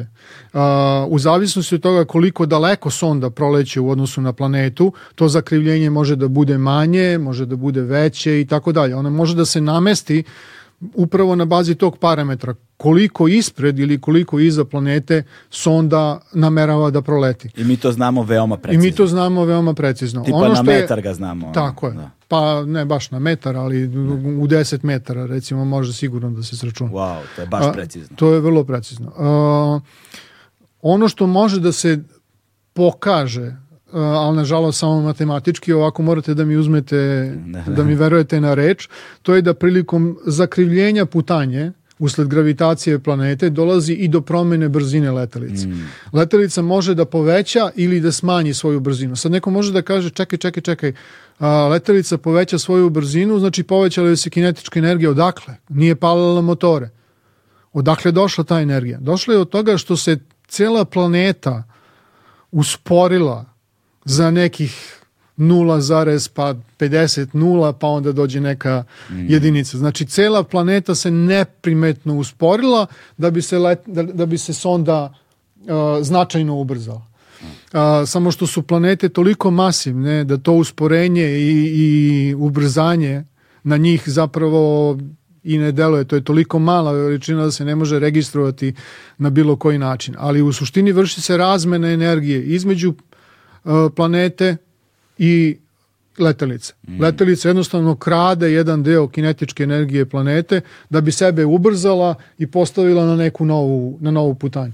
O, ta gravitacijna praćka se sad toliko često koristi da vrlo često letelice koje lete recimo ka udaljenim objektima u, ka Jupiteru, Saturnu i tako dalje naprave nekoliko tih gravitacionih manevara. Recimo dva proletanja pored Zemlje, jedno proletanje pored Venere, jedno proletanje pored Marsa, pa tek onda smo na, na trajektoriji za, za Jupiter. I svaki put napravite jedan mali kao karambol u kosmosu, zaokrenete svoju putanju, povećate brzinu, pa zaokrenete putanju, povećate brzinu, pa zaokrenete putanju i nakon celog tog onog karambola jednostavno letelica postignete po željenu brzinu. Željenu brzinu i mislim to rade mašine, to to izračunati peške je apsolutno nemoguće, ali to rade mašine i s obzirom na snagu današnjih kompjutera to se sve radi sa zadivljujućom preciznošću i, I skoro i pa rutinski. I rutinski. To je gravitacijna praćka je ključno sredstvo da se smanji količina goriva koja je potrebna da bi se neki objekat dostigao. Znači, zašto bi se mi akali uopšte sa gravitacijnom praćkom? Stavite dovoljno veliku raketu i usmerite sondu direktno na Jupiter i ne interesuje vas ništa drugo. Kao na filmovima. Jeste, ali to je, to je ogromna onda raketa. Da. Ovako vi zapravo stavljate mnogo manju raketu, možete da stavite mnogo veću sondu zbog toga, zato što je uh, uh, količina korisnog tereta veća i da zahvaljujući gravitacionoj praćki povećate brzinu do one granice koje je potrebno da bi se dostigao neki udaljeni objekt. Problem sa gravitacionom praćkom je što produžava vreme leta. Dok vi obletite dva puta oko Venere, jednom oko Zemlje, tri puta oko Marsa, vrtite se stalno u svom dvorištu nekoliko godina dok ne dostignete optimalnu brzinu i optimalnu trajektoriju za let na neki uh, udaljeni, objekat. udaljeni objekat, kao što je, šta ja znam, sve iz asteroidnih pojasa, Jupiter, Saturn, Uran, Neptun, da. Pluton i tako dalje. Tako da um, sve ima svoje mane, ali ima i svoje i svoje pluse. Tako da, da tamo gde vreme nije kritično, uh, gravitacijna praćka se standardno koristi kao sredstvo za uh,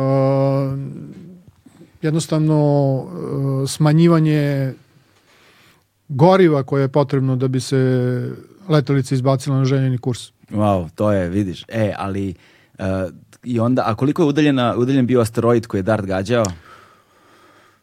Eh, Sad si me, sad si me, sad si me zatekao onako baš... da, dobro, nego zato što e, mi smo gledali uživo, dakle ja sam gledao uživo prenos na YouTube-u je bio. Tako je. Ovaj, koji je trajao svega nekoliko sati, sve zajedno sa vojiteljskim uvodom. E, stvar je bilo u tome da je, da je sonda na sebi imala jedan mali satelit koji je napravila Uh, to Italija, kom, jeste da. italijanski uh, koji je sa bezbedne udaljenosti posmatrao celu operaciju. Zahvaljujući tome smo mi otprilike mogli da vidimo uh mhm. -huh. uh, šta se dešava. A, a drugo, to nije toliko daleko da za zemaljske optičke teleskope nije nedostižno. Tako -huh. da mhm. mogli smo da vidimo snimke i sa, i sa njih. Da, da, da. I ovaj, koliko je pomeren asteroid?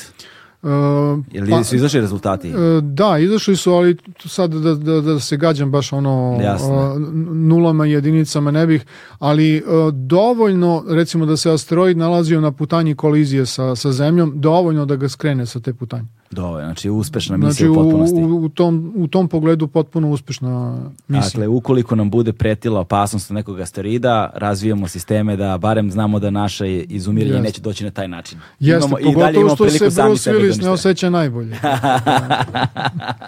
Ove, a, tako da i dalje nam ostaje šansa da sami sebe uništimo. Uh, pa to je, nažalost, naj, najrealističniji scenario.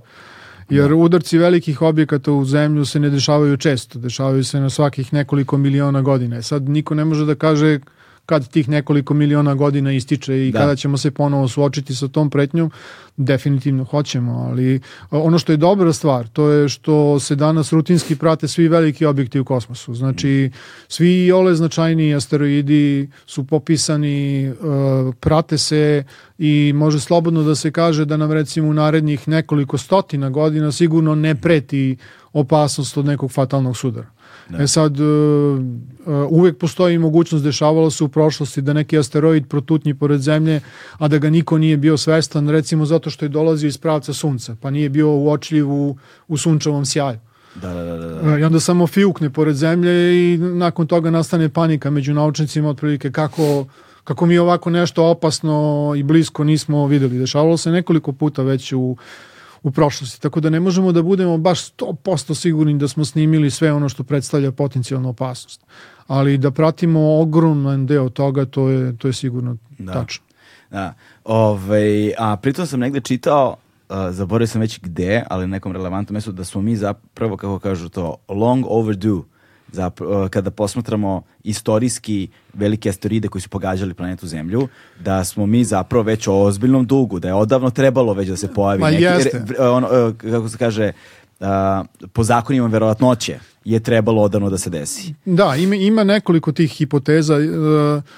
Jedna recimo, ono, ono što je interesantno to je kada se pogleda geološka istorija Zemlje, da su udarci velikih uh, nebeskih tela dolazili u relativno pravilnim vremenskim uh, intervalima.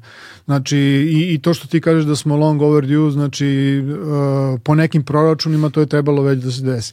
E sad, interesantno je, oni su pokučavali da objasne razloge te pravilnosti, odakle ta pravilnost dolazi. Uh, I onda postoje brojne teorije na tu temu, ali meni nekako najinteresantnija bila teorija o Nemezisu. -hmm. Nemezis je uh, tamni sunčevi pratilac. može da bude recimo uh, zvezda vrlo niskog sjaja ili masivna planeta koja se nalazi na jako velikom rastojanju, daleko iza Plutonove orbite, uh, u, u dubokom mraku, tamo gde se nalazi takozvani Ortov oblak. Aha, Ortov da. oblak je uh, rezerv, rezervoar Leda. Uh, uglavnom ledenih objekata koji su zaostali nakon formiranja sunčevog sistema. I sad imate neku zvezdu smrti, taj Nemezis, koji povremeno proleti na svakih recimo 20 ili 10 miliona godina kroz, kroz taj uh, oblak mm -hmm. i svojom gravitaci, svojim gravitacionim poljem napravi poremećaj, tako da neke od tih ledenih gromada bivaju izbačene potpuno iz sunčevog sistema, ali neke od njih bivaju kao praćkom upućene u, u, sunčev, sistem. u sunčev sistem. I pošto se Nemezis kreće periodično, uh, i na svakih x miliona godina prolazi kroz Ortov oblak, na svakih x miliona godina mi možemo da očekujemo da imamo povećani priliv uh, gostiju iz dubokog kosmosa, iz dubokog mraka, od kojih neki mogu da budu potencijalno potencijalno fatalni. Da, gde se Voyager sad nalazi? Kad već govorimo o uh, Voyager je uh, zvanično napustio sunčev sistem, tako da. da to je prvi objekat napravljen ljudskom rukom koji je napustio sunčev sistem. On je prešao, prošao takozvanu heliopauzu, to je mesto gde sunčev vetar mm -hmm. uh, koji radijalno se širi od sunca na sve strane, uh, biva neutralisan zapravo intergalaktičkim gasom, odnosno međuzvezdanom materijom koja se nalazi između zvezda. Tu sunčev vetar naglo usporava i otprilike tu se formira zona koja se smatra Znači ne postoji granica sunčevog sistema da. u fizičkom obliku, ali smatra se Nema da, pasoške da, kontrole. Ali, ali smatra se tu gde sunčev vetar otprilike mm -hmm. prestaje da duva, ovako da. da figurativno kažemo, da je tu nekako granica sunčevog sistema i tu granicu je Voyager prešao pre nekoliko godina i, od, i dalje se kreće i dalje šalje podatke o sebi što je neverovatno za letelicu koja je lansirana tamo mislim 70. godina. Da, to je ono, to je to je Voyager nekako mi se čini u svoj svoj fascinantnosti sve više dobije na mističnosti. Jeste. Ovaj, I mislim da će sve više pitanja u vezi sa njime biti nekako ti prosto žao što nije bare malo savremenija tehnologija na njemu, ali nekako je to i svoje rudimentalnosti možda i leži ta čar. Pa veliki je problem i toga što uh, letelica se nalazi u, u uh, vrlo daleko od, od sunca, znači na, na tom rastojanju nikakve solarne ćelije ne mogu da se koriste, da. jer je to zapravo područje kompletnog mraka i da letelica letelica da bi funkcionisala, on ima takozvane radioizotopski generator. To je generator koji generiše struju na bazi toplote, a toplota se stvara uh, radioaktivnim raspadom. Te letelice nose na sebi obično određenu količinu određenog izotopa plutonijuma, mm -hmm. koji ima vreme poluraspada od otprilike 80 godina, što znači da mu za 80 godina efikasnost opadne na, na, polo, na, na polovinu. Da. Uh, Voyager je već decenijama u kosmosu, ja mislim preko oko 50 godina sigurno tu negde. Tako da stiže. me držati za da, reč. Tako da mu polako uh, efikasnost, efikasnost opada, opada i mnogi sistemi na njemu su već isključeni kako bi mogao da radi ono što je primereno njegovom trenutnom položaju, da javlja položaj na zemlju, da se zna tačno gde se nalazi i da meri magnetno polje, solarni vetar i da se bavi tako nekim osmatranjima koje ne zahtevaju ogromnu količinu uh, električne energije. Kamere recimo na Voyageru su isključene odavno, tako da ne. nemamo nikakve fotografije. Pale Blue Dot je bila poslednja? Um, pa verovatno. Ili bila još neka? Pa ne, ne mogu da se setim. Da ali treba da napravimo taj Pale Blue Dot poster ovde čoveče, ali nikako da se pozabavim Jeste, to je verovatno jedna od najčuvenijih... Uh... Pa to je najčuvenija. Mislim pa da postoji... i ona fotografija koju su napravili sa zemljom koja da, da, da, da, da. da. iz uh, iza mesečevog horizonta je isto legendarna fotografija, da. mislim da je napravljena na Apollo 8. Da, i prva fotografija planete Zemlje. Tako je, tako je. Te tri fotografije su ja, najlegendarnije. Koje dokazuju da je zemlja ravna. Između ostalog. Na, koliko se sa time suočavaš u životu? Pa ne preterano. Ne, ne preterano. Ali, ali imam uh, jedan dobar deo profesionalne karijere mi je bio vezan za mašarski fakultet i tamo sam kao najmlađi asistent uh, bio izložen baražnoj vatri mnogih naših nazovi pronalazača koji su uglavnom dolazili sa, sa skicama za perpetuum mobile, znači to su razne mašine nemogućih dizajna koje sam ja morao kao najmlađi, da. niko nije hteo da radi taj posao, pa sam morao ja da pravim recenzije za takve stvari i, i uglavnom su recenzije svodile na to aha, ovo generiše neku energiju, a gde mu je ulaz energije nema nikakav. Tako da, da, da, da, da. to su sve neke poluge, valjci, strme ravni, čudesa, ekscentri, da ne pričam. Dobro. Tako da ima te kvazi nauke Ma, koliko mnogo. Hoćeš, koliko hoćeš. Mnogo. I nažalost ne pokazuje nikakve znake eradikacije. Ne, ne, to će nekako... Ne, ne. Izgleda ja sam nekad imao e, ideju da će zahvaljujući e, postojanju interneta a, znanje postati svima dostupno i da jednostavno neće više postojati opravdanje da čovjek bude glup. Da. Znači, Wikipedia je ono just a click away. Da. Znači, svo znanje ovoga sveta, evo ga tu je. Što god čoveka interesuje, može da se za pet minuta informiše o tom. Međutim, ispostavilo se da je internet mnogo više poslužio u svrhu organizacije oni koji imaju potpuno kvazi naučne, nenaučne, potpuno tupe i glupe stavove, ne. jer mi jednostavno omogućuje da se organizuju. Ne. Ko je mogao u vreme kada sam ja išao u recimo osnovnu ili srednju školu da kaže da je zemlja ravna ploča? Pa bi bio odveden na posmatranje. Realno gledam. da. Znači, rekli bi da mu fali daska u glavu. Sad ti ljudi su organizovani. Oni imaju svoje Facebook grupe, oni imaju svoje seminare, oni imaju svoje udruženja. Tako da internet koliko je širio znanje, toliko je širio i ljudsku glupost, tako da izgleda da ljudska glupost zaista ne uništiva kao što su mnogi govorili. Pa jeste, da, stvarno je neuništiva. No da se mi vratimo na naše, na naše teme. Sa tradicijom dugom skoro tri decenije, Legend Worldwide je prepoznatljiv domaći brend sa akcentom na jeans, pre svega, koji odlikuju bezvremenski, klasični modeli. Ove, ovaj, ono o čemu se govori, hajde sad polako da uđemo u to, uh, jeste uh, misija na Mars. E, ovaj, teško nam je da percipiramo udaljenost meseca od zemlje. Iako možda, evo, koliko je Artem, Artemis će ovih dana da sleti, on sleti, odnosno ovih dana će, do, do, Trebalo bi negde, negde u prvoj polovini decembra. Da orbitira. Ono, ne, ne, ne, da se vrati da se, da se vrati nazad. On je sad u orbiti. Trenutno se sad nalazi u orbiti oko meseca. I ono što će se desiti jeste kada se iz, izvedu svi proračuni, a, jeste da će se udaljiti zapravo u toj orbiti oko meseca, on će otići 65.000 km od meseca. Jeste i bit će ono najudaljeniji brod za ljudsku posadu uh, u odnosu na, na planetu Zemlju. Nikad ni jedan brod uh, namenjen ljudskoj posadi nije bio toliko daleko od zemlje. Da, to je to će biti to, svoj to je, to je lako, rekord. Jeste, to je to je to je rekord. E, ovaj ali uh, da bismo razumeli kako okolnosti vakuma i jel te -hmm. svemira utiču na ljudski organizam, na ljudsko mm -hmm. telo i na samorganizaciju ljudskog ljudskih bivstvovanja uopšte tamo, a kamoli obavljanja bilo kakvih vrsta delatnosti, pa potom i očuvanje ljudske psihe, što je veliki faktor mm -hmm. i emocionalne stabilnosti i svašta nešto.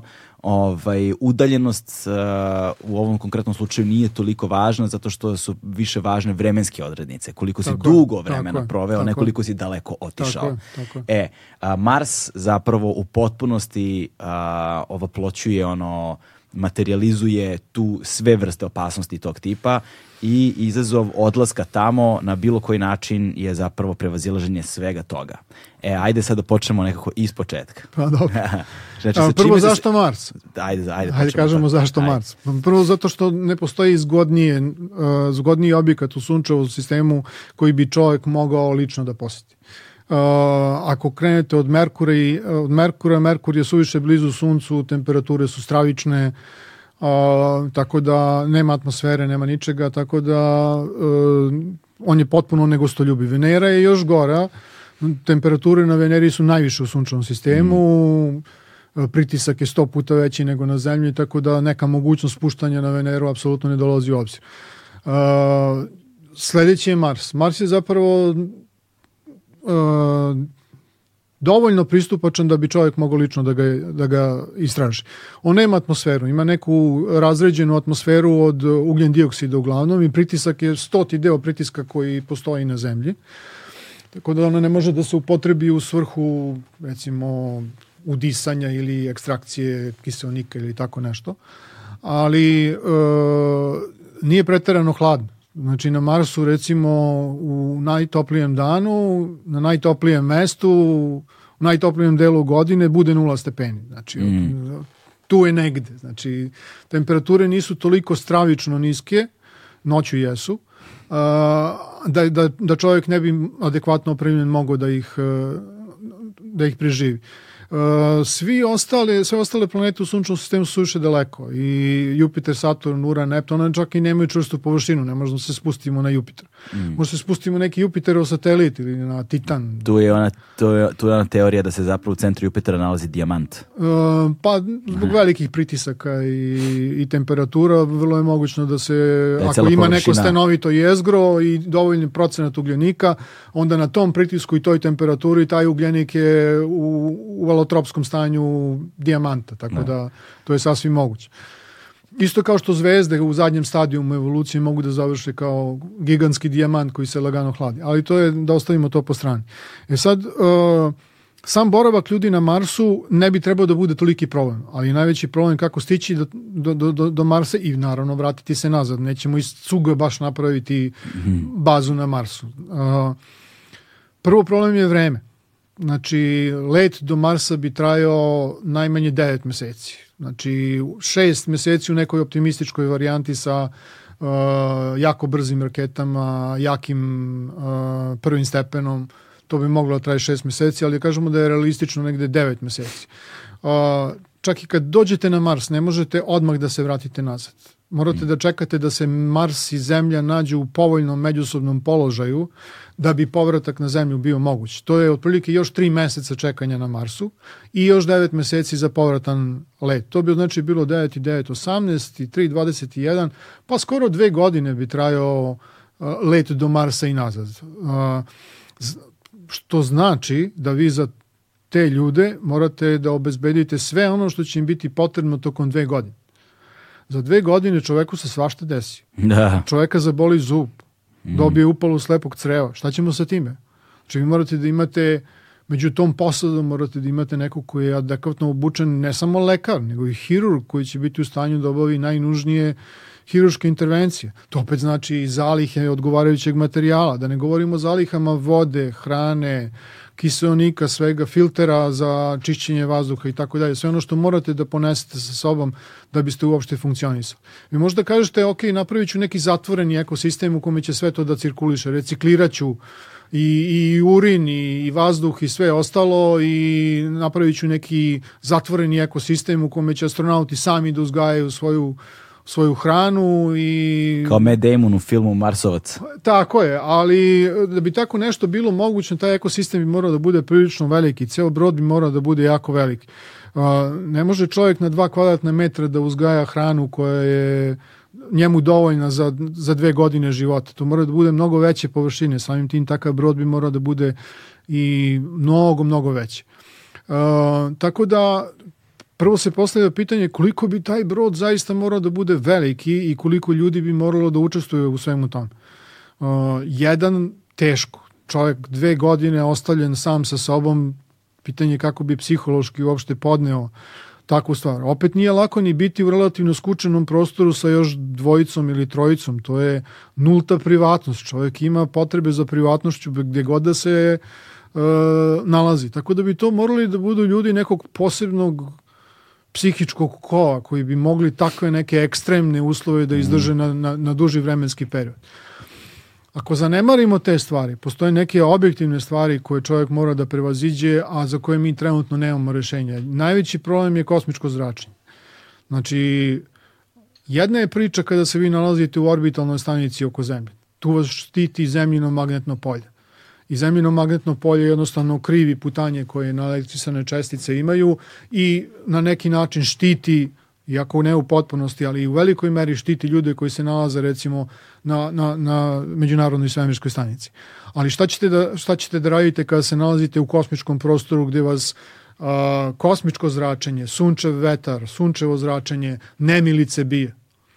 A, po nekim proračunima, evo da, da, da neke brojke i da probamo da to nekako predstavimo ljudima slikovito. Doza zračenja koju čovjek primi se meri nekim milisivertima ili removima, ali da kažemo ajde milisivertima. Šta su milisiverti? Mili,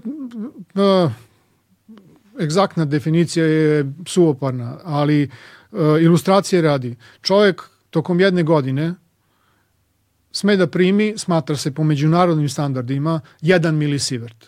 To je otprilike doza zračenja koju čovjek primi ako ode na tri rengenska snimka pluća. Mhm. Znači imali smo sad ljude koji su bili bolesni od korone, uh, tri puta snimali pluća, za to vreme prime taj 1 milisivert, to je otprilike količina zračenja koju čovjek uh, sme da primi na godišnjem nivou. Tipa ako snimiš zub tri puta godišnje? pa, e, znaš kako, ne postoji neka granica e, kada je u pitanju e, količina zračenja koju čovjek može da primi u medicinske svrhe. Te su zračenja, to su količine zračenja mnogo veći. To se smatra nečim što čovjek jednostavno zbog spasavanja svog života mora da, mora da uradi, pa se tu ne postavljaju neke direktne preporuke. Ali ovo je ilustracija. Recimo, skener abdomena uh, je negde između 5 i 10 milisievert. Wow, znači, to, to su već ono, ozbiljne doze, doze zračenja. E sad, da, da kažemo nešto šta je sa astronautima. Znači, šta je sa ljudima recimo koji na zemlji rukuju ionizujućim zračenjem. Znači, ljudi koji rade u nuklearnim elektranima, koji manipulišu nuklearnim gorivom, ljudi koji manipulišu rengen aparatima, skenerima i tako dalje. Svim tim spravama koje generišu uh, ionizujuće zračenje. Šta je ionizujuće zračenje? Zračenje uh, koje je u stanju da na električne materiju kroz koju prolazi. Mm -hmm, okay. Da izbaci iz te, da recimo u atomima od kojih smo svi mi načinjeni, da izbaci određen deo elektrona iz, iz orbite. Aha. A, najmanji je problem izbacivanje određenog broja elektrona iz orbite. Ti elektroni će se nadomestiti iz nekog drugog izvora, nije, nije problem. Problem je u tome što ionizujuće zračenje može da nam promeni DNK. Uf, da. A, može da napravi mehanička oštećenja na našem DNK i da usled tih oštećenja nastupi kancer. Mm -hmm. Znači, ionizujuće zračenje je jedan od glavnih uzroka kancera. Takođe je uh, uzrok katarakte. Uh, ljudi koji su izloženi ionizujućem zračenju vrlo često obolevaju od, uh, od katarakte i imaju problema sa imunim sistemom. Znači, to su i sa kožom. Znači, to su stvari koje ionizujuće zračenje uh, vrlo često napada. E sad, uh, ljudi koji se bave znači ionizujućim zračenjem, koji imaju priroda posla da se bave tim, oni imaju standarde koji su mnogo viši.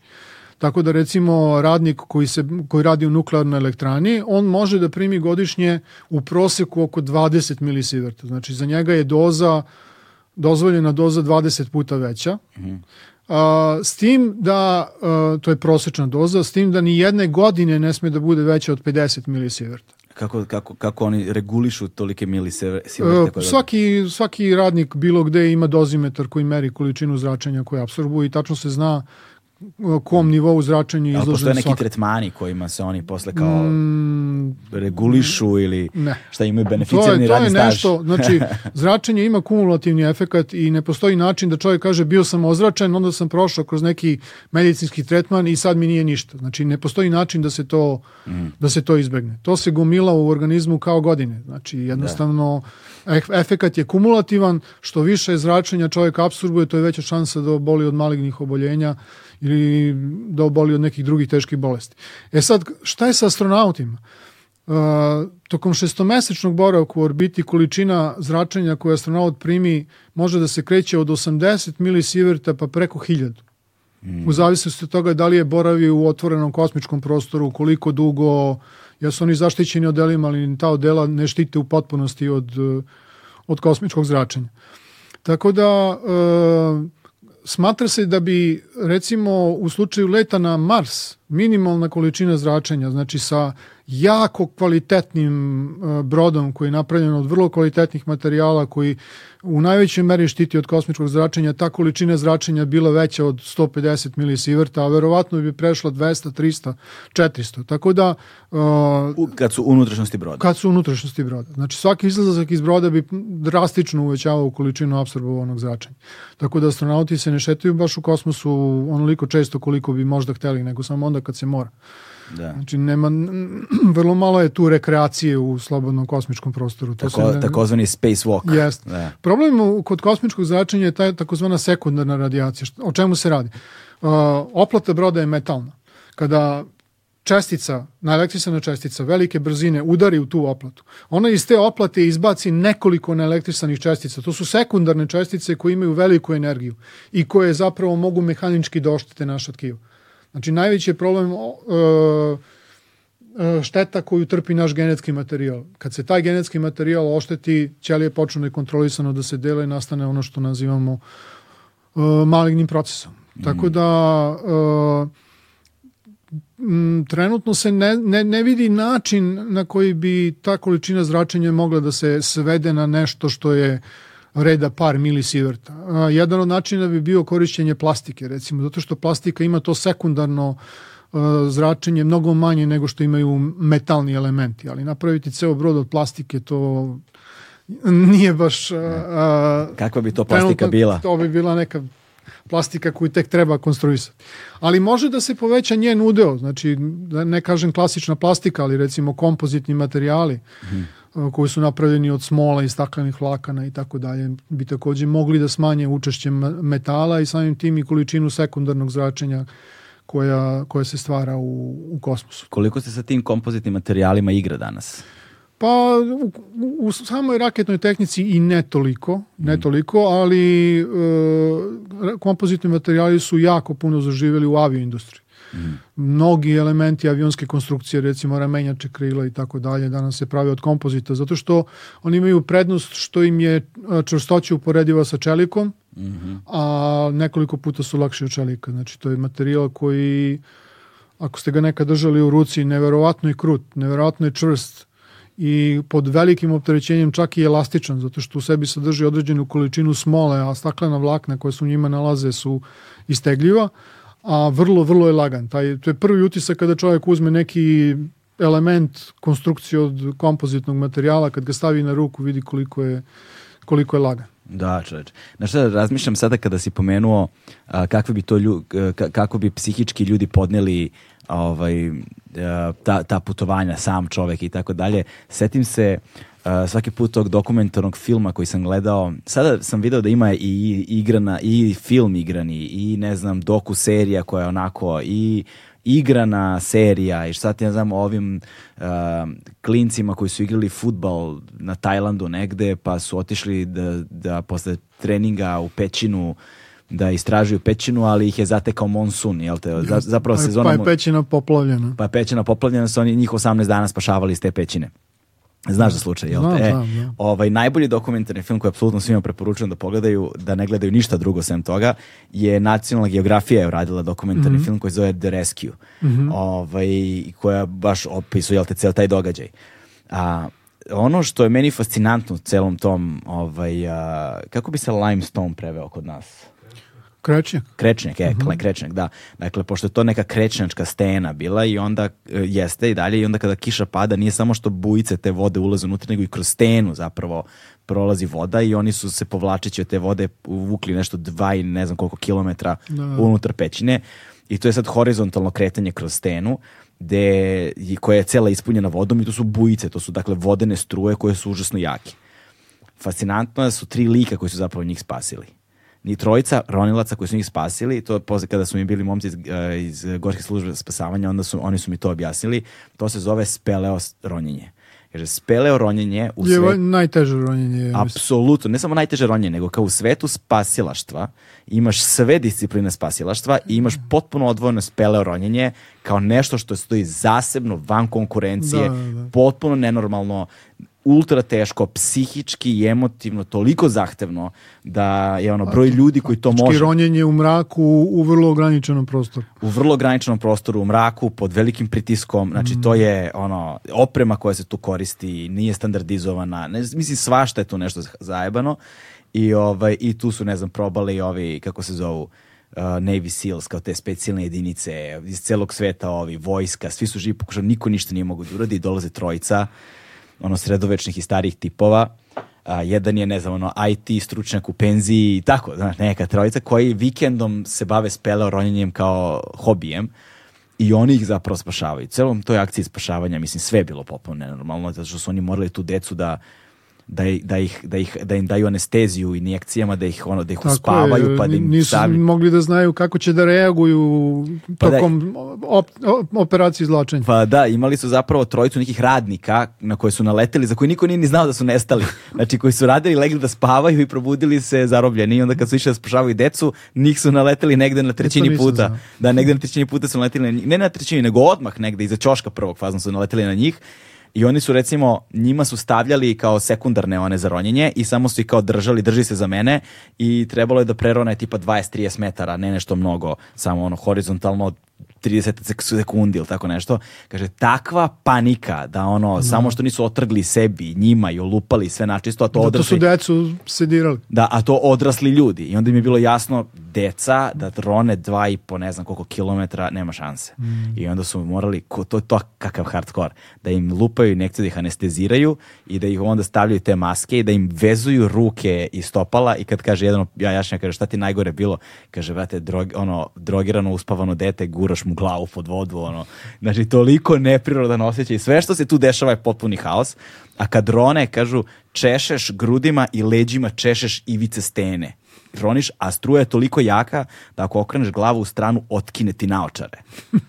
Vidljivost je nula, vidljivost je nula, ne vidiš apsolutno ništa i ti kao, i kaže to su situacije, imaju tu dokumentarne snimce nekih njihovih privatnih ronjenja, a oni rone u mraku, u blato, u te stene, u procepe, znači ono, i kaže panika je tu je, panika je jednako smrt.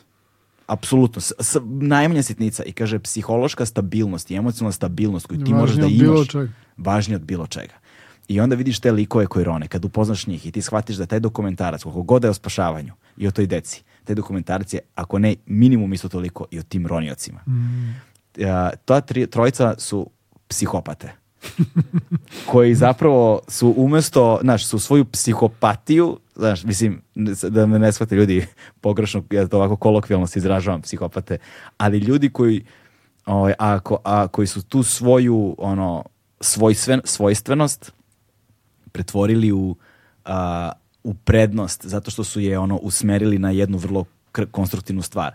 I sad razmišljam u kontekstu putovanja na Mars, znaš, ako bi neki ljudi imali šanse da sami, to su oni, to su oni da sami provedu dve godine i da se ponašaju ono po, po, po, po checklisti ono stvari koje bi trebalo, mislim da su to takvi likovi. Da su to takvi psiho, ono, psihološki profili ljudi koji bi mogli da odu. Pa da, tu smo se dohvatili uh, drugog značajnog faktora, to je baš ljudska psiha. Da. Znači, kako bi ljudi jednostavno podneli toliko dugotrajan boravak u skučenom prostoru, bez mogućnosti uh, da se eventualno pre vremena vrate, jer jednostavno u kosmosu ne postoji stvar kao polokružno okretanje tipa na pola puta do Marsa smo shvatili da nećemo uspeti pa smo napravili, mora da se izvede jednostavno cela putanja, mm. ceo put da bi se vratili nazad na zemlju.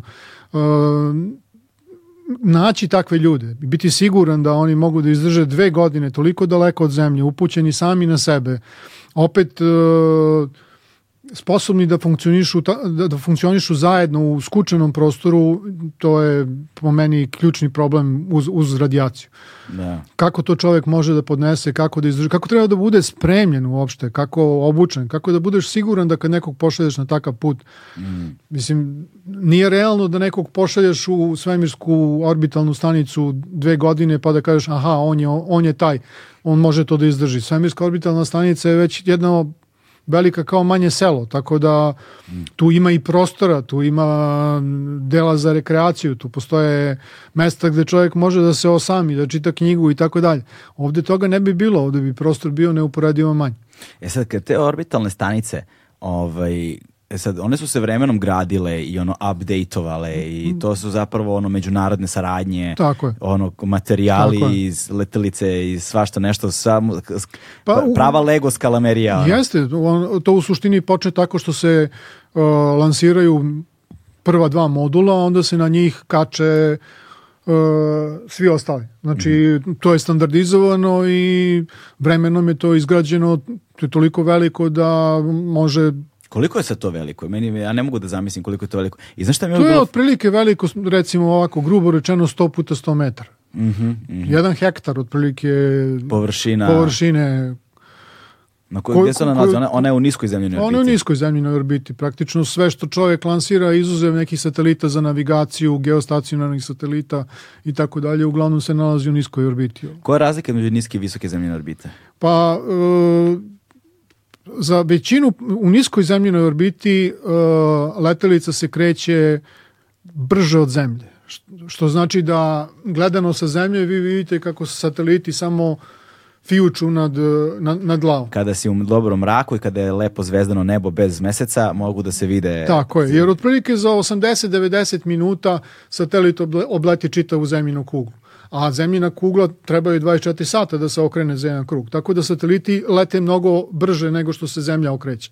Tako da uh, to su oni snimci napravljeni sa međunarodne svemirske stanice gdje vidite kako zemlja proleće, mm. razni kontinenti, države promiču ispod uh, međunarodne svemirske stanice jer se ona jednostavno kreće brže nego što se zemlja mm. nego što zemlja rotira. Uh, u, što, je, što je visina veća, ta brzina koju satelit ima, opet sad po Newtonovim zakonima gravitacije, je sve manje i manja. Mm -hmm. Da bi u jednom trenutku, na nekih 38.000 km iznad Zemlje, to je prilično, visoko, prilično visoko, tu se brzina kojom se satelit kreće izjednačava sa brzinom kojom Zemlja rotira. Tako da gledano sa Zemlje vi imate utisak da je satelit tačno iznad određene tačke. E, veliki broj satelita koji uh, se bavi navigacijom, nadziranjem određenog geografskog područja koji mora stalno da prati jednu određenu tačku, uh, se nalazi u toj takozvanoj geostacionarnoj orbiti. I to je jedina od tih viših orbita koja je ovako značajna. Mm. Geostacionarna orbita je inače međunarodni resurs. Uh, postoji samo jedna kružnica, nalazi se iznad ekvatora i na visini od 38.000 km, na kojoj se nalaze svi geostacionarni sateliti. I na, očigledno je da na tom krugu ne može da se smesti beskonačno mnogo. Znači, sateliti moraju da imaju i rastojanje i tako dalje. Tako da je geostacionarna orbita, ta visoka zemljina orbita, resurs koji je dobro čitavog čovečanstva. Da. E, bili su pokušaj nekih afričkih zemalja da uvedu neku vrstu tarife na, na geostacionarne orbite zato što veliki deo tih orbita prolazi iznad njihove teritorije, iznad afričkih teritorija. Mm -hmm Međutim, to nije usvojeno. Smatra se da je to dobro čitavog čovečanstva, tako da u, u suštini se ne traže neke dozvole, ali se smatra da korišćenje mora da bude u dobrom duhu, znači da. sa nekim osjećajem da. mere. Malo licemerno s druge strane, znaš, ko, kao što su vode opšte dobro svih ljudi ovog sveta, pa znamo da to baš i nije tako kada su resursi voda. Uvek je to tako. Da, uvek je to tako. Uvek je to Koliko tako. tih geostacionarnih satelita ima? Pa ne znam, sigurno se broj njihov meri stotinama. Stotinama, da, da, da to je da. ono, što sad svaki put kad je vedra noć, ovaj, bez, bez, ja, bez mesečeve svetlosti, ovaj, može, boga mi, da se vide i ono, kao da se zvezde pomeraju, znači toliko je satelita. Mogu da se, naravno su impresivni ovi maskovi sateliti koji služe za pružanje telekomunikacijnih usluga koji se sad koriste i u Ukrajini recimo mm. u ovim ratnim uslovima jer oni se lepo vide kao voz satelita na, na nebu da, da idu možda, kao red onako idu neki. kao red onako svetlećih tačaka na Tri, nebu četiri tačke zajedno jeste da. i to izgleda ovako vrlo interesantno na internetu može se pronađe čak i red vožnje ne možda kažete ja sam ovde i sad kad mogu lepo da to osmatram i tamo kažu na primjer u četvrtak u 9 uveče okreneš se prema tom delu neba i vidjet ćeš vozić da, satelita koji tu prolaze. Čovječe, to je neverovatno. I sada to nam uh, još jednu stvar kada su, kad mi kao govorimo o raketnim pogonima, dakle o letelicama i tako dalje, jedna stvar koja se značajno komplikuje sa napuštanjem zemljine a, orbite jeste đubre koje nam se nalazi u, u okolini zemlje.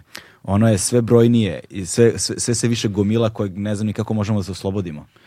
Pa Sad mora se, kal, sad mora se kalkulišu trajektorije. Tako je, u principu postoje neke preporuke da e, svi sateliti na sebi treba da imaju neki minimum goriva, tako da kada im istekne radni vek, kada postanu praktično neupotrebljivi i kada odsluže svoju upotrebnu svrhu, da budu jednostavno skinuti sa orbite. Znači, uključi se motor, satelit se usmeri u gušće slojeve atmosfere i on sagori. Na taj način se oslobađa prostor u, u, u zemljinoj mm. orbiti. Nisu toliki problem sateliti koji su se jednostavno tokom vremena ugasili i koji kruže po, po orbiti.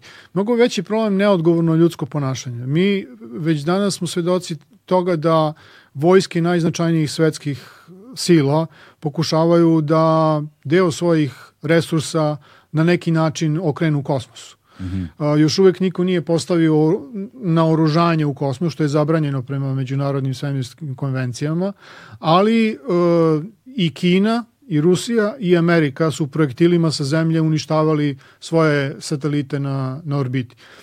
S, samo jedan takav pokušaj jedno takvo uništavanje satelita na orbiti stvori nekoliko desetina hiljada krhotina, mm. što prevazilazi broj svih satelita koji se nalaze u orbiti. Pritom, sad čovjek može da kaže najveći broj tih krhotina je jako mali. Međutim, ljudi zaboravljaju da su na orbitama oko Zemlje, tipične brzine su oko 8 km u sekundi. Uh, kad imate dva delića koji idu u suprotnom smeru, to je brzina od 16 km u sekundi. Sad zamislite kad brzinom od 16 km u sekundi nešto udari, pa neka je i sitno. Zabeležen je slučaj kada je delić boje sa jednog uh, starog satelita udario u šatl, udario je u onaj vetrobran, koji inače debeo od 10 cm taj uh, komadić boje je se u, urezao u plastiku do dubine od 6 cm. Znači samo još 4 cm lufta je bilo pre nego što bi probio vetrobran i napravio verovatno katastrofu. Tako da neodgovorno ljudsko ponašanje, uništavanje satelita na orbiti je isto tako veliki problem. Mm. Znači, a to je sve posledice toga što uh, velike sile imaju uticaj da svoju vojnu moć na neki način prošire i u, i, i u kosmički prostor. Da. Tako da čak postoji jedna statistička simulacija koja pokazuje da ukoliko broj krhotina u ljudskoj orbi, u, u zemljinoj orbiti premaši određeni broj, da će učestano sudara da bude toliko velika da će u, njima da nastaje nova količina krhotina koje će da se stalno multiplicira u novim sudarima sa postojećim kosmičkim objektima, tako da na kraju celokupna zemljina orbita postane potpuno neupotrebljiva. Mm. Jednostavno, bit će prošarana tolikom količinom krša da jednostavno nigde neće moći da se smesti uh, novi satelit. Novi satelit ili da se pošalje neka raketa. Ili da se pošalje neka raketa. E, da li postoje neki planovi za sakupljanje tog otpada? Pa, koliko ja znam, postoje kao ideje. Recimo, postoji ideja da se napravi, na primjer, satelit koji bi imao mehaničku ruku, koja bi bila u stanju da satelitom manipulira, da, sa, da na njega možda zakači jedan mali raketni motor i da ga usmeri u gušće slojeve atmosfere. Uh, to je jedini način. Neki drugi način trenutno ne, ne vidim. Uh, ono što postoji, to je neka dobra praksa, to je da, bar kad su naučni projekti u pitanju, uvek uh, sad u poslednje vreme na, na tim satelitima, sondama i tako dalje, uvek postoji način da se ona nakon isluženosti usmeri u gušće slojeve atmosfere gde je jednostavno da. sagori. E kada si govorio o, u posljednjem te, tekstu a, ratovi satelita, ovaj, šta to zapravo podrazumeva kad već govorimo o, kad već govorimo o svemu ovom i kako bi zapravo taj svet u kojem tih satelita nema izgledao? Um, možda bi svet preživeo, ali bi uh, mnoge stvari prestale da postoje. Recimo, ako nema satelita, sigurno ne bi postojao više ni GPS. Znači, sistem za pozicioniranje koji se danas univerzalno koristi i, i u, u svim oblastima. Znači, GPS je postao deo naše svakodnevice, mm. rekao bih. Ne bi mogu da funkcioniše. Međunarodne komunikacije bile bi otežane. Brojni internet linkovi koji koriste, koji koriste satelitske veze, naročito veze sa ruralnim područjima i tako dalje, bili bi eliminisani. Prestali bi da funkcionišu sateliti koji upozoravaju na, klima, na, na promene na nastanak promena u atmosferi koje mm. mogu da imaju katastrofalne posledice. Znači, rano upozorenje u slučaju uragana i tako dalje. Znači, onda osmatranje uh, promena na zemlji, klimatskih promena, postalo bi neuporedivo teže. Mm, sve bi to nekako moglo da se preživi, recimo internet dan danas najviše funkcioniše zahvaljujući postojanju optičkih podmorskih, podmorskih, podmorskih kablova, um, ali sve bi se pomalo izmenilo. Da, a Izgubili mobilni bi telefoni? Mobilni telefoni bi funkcionisali, ali za njihovo funkcionisanje nije neophodan satelitski sistem. Oni se ne oslanjaju na satelit. To je uglavnom mreža obraznih stanica koje su mm. povezane u kompjutersk, kompjuterskim sistemima i to to bi nastavilo da funkcioniše. Da. Ja, morali smo napraviti malu pauzu da se napravim sebi još jednu kaficu. Ja toliko uživam u ovakvim razgovorima i onda mi uh, želim da mi ugođaj bude potpun.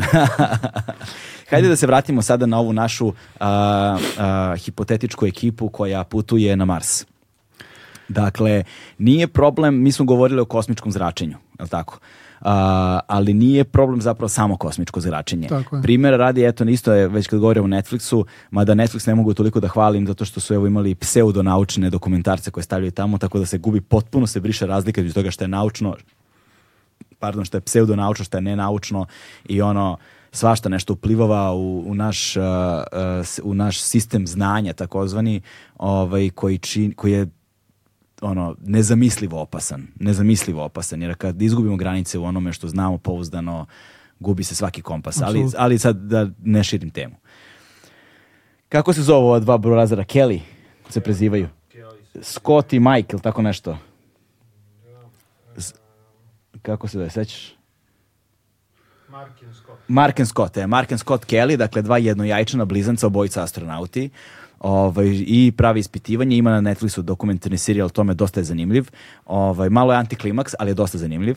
Um, uh, šalju jednog u orbitu i provodi 365 dana u svemiru a drugi ostaje na zemlji. I onda i rade testiranje nad obojicom i komparativno sa obojicom, jel te, kakva su komparativno njih dvojica jedan odnosno na drugo i kakvi su jedan svaki za sebe i onda šalju jednog u svemir i posle godinu dana ih ponovo uporede. I vide se neke razlike.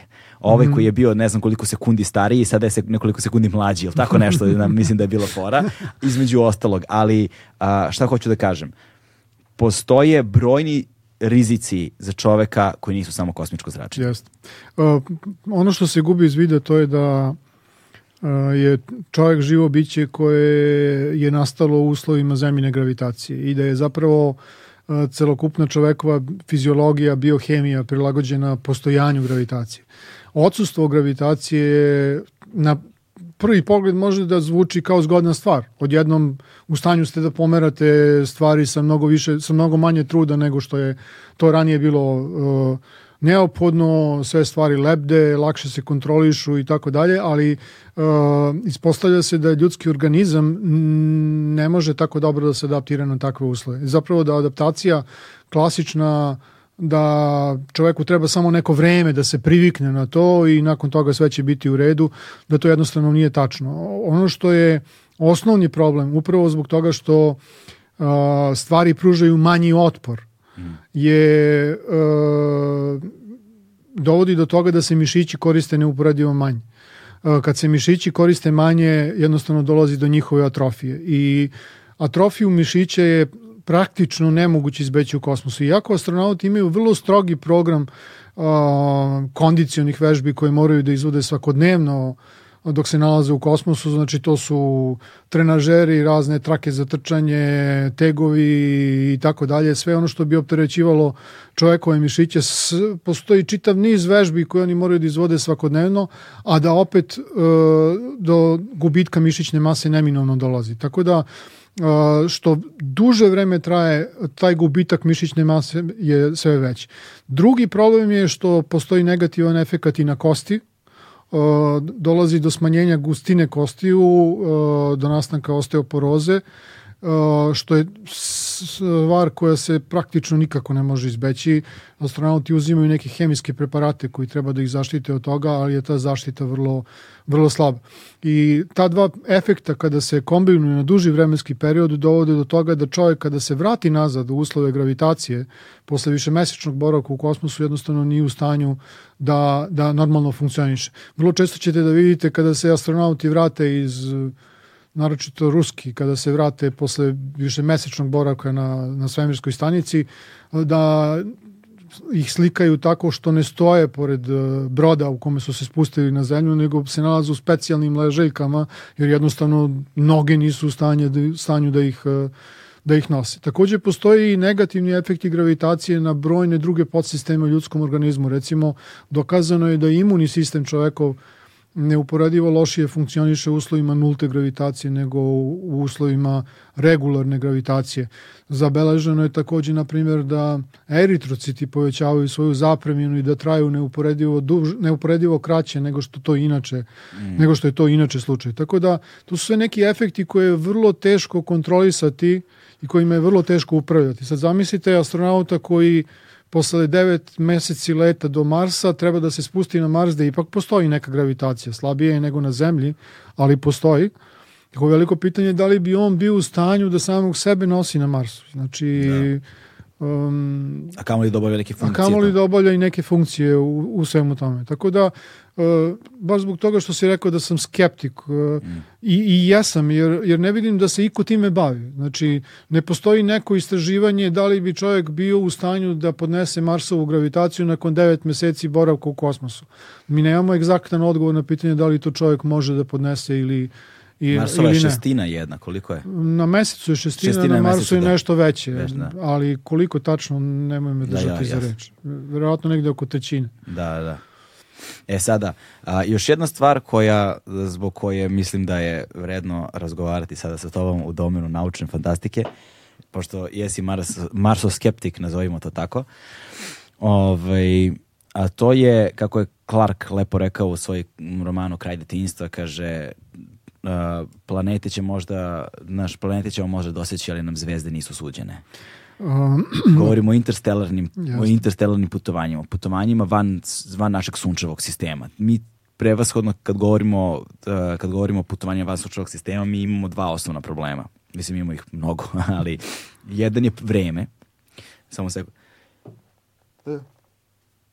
Ne mogu da kinem, a, a, kije mi se čoveče. Jedan je vreme, a drugi je Dakle, jedan je vreme, a drugi je gorivo.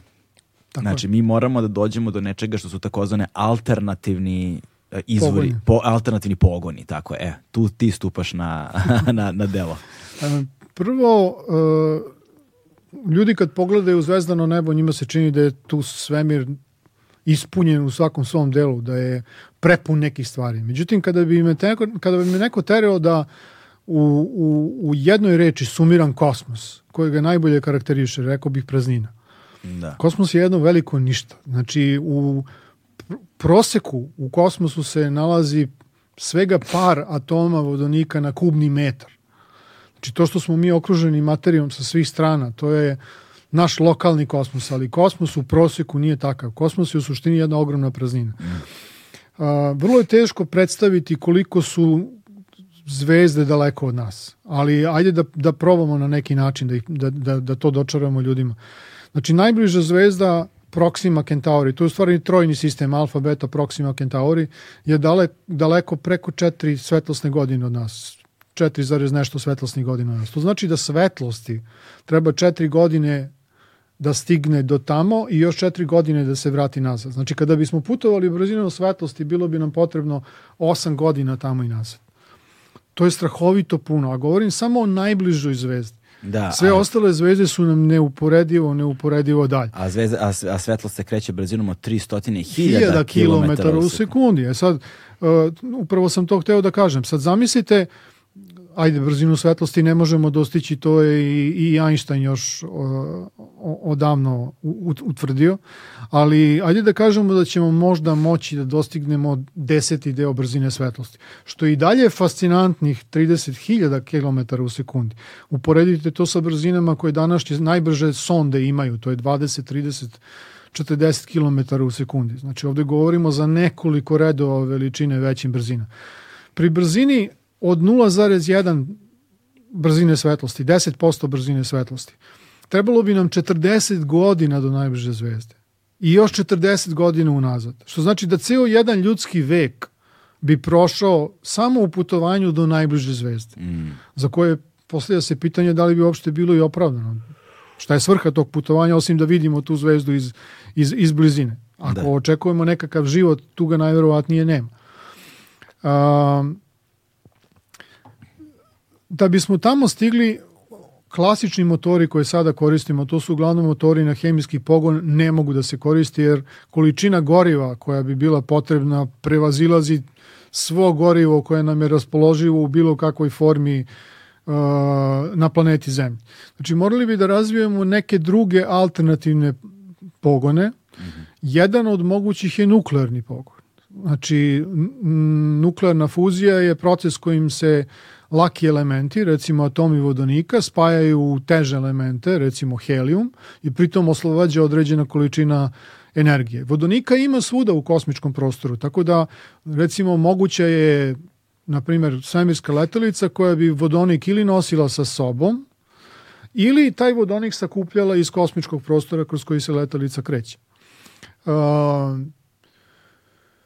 Taj, e, ta energija koja bi se oslobađala u nuklearnom procesu bi mogla da se koristi recimo za ubrzavanje naelektrisanih čestica koje bi napuštale motor brzinama koje su uporedive sa brzinom svetlosti i tako ostvarivale ogroman potisak koji bi letelicu mogao da dovede do brzina koje su uporedive sa, sa ogrom, brzinom svetlosti. Kada kažeš ogroman potisak, šta to, šta to znači?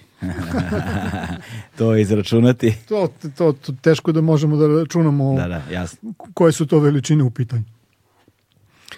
Um, Gde smo stali? Da, pa da, elektroni koji bi izbacili ogroman potisak. Tako je, to je, to je, to je jedan od, od mehanizama. Uh, postoji i neki drugi predloženi mehanizmi, to su, na primer, uh, takozvana solarna jedra. Znači, ako razapnete dovoljno veliko jedro i vežete brod za njega, pod dejstvom solarnog vetra to jedro će krenuti da se mm ubrzava i sa sobom vuče čitavu letalicu. To ubrzanje bi bilo jako malo. To je kao da povetarcem pokušavate da ubrzate celu lađu.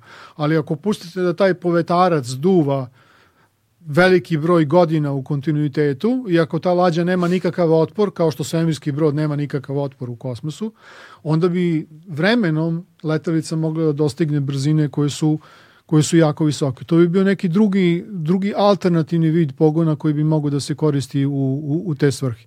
Ali neke varijante nuklearnog pogona, neke varijante solarnog pogona, to je ono što nam trenutno stoji na raspolaganju.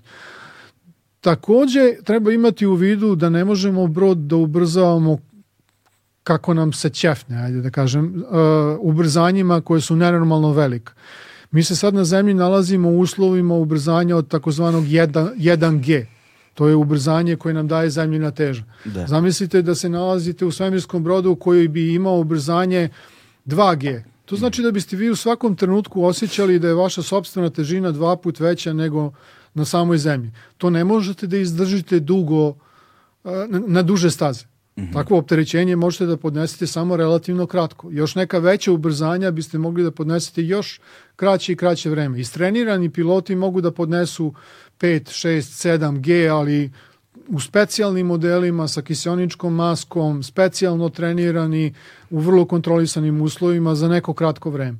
Znači, brodovi sve i kada bi imali izvor pogona koji je superioran, koji može da ostvari ogromne sile, ne smeju da ostvare takvo ubrzanje koje bi bilo smrtonosno za putnike u njemu, da ništa nismo postigli.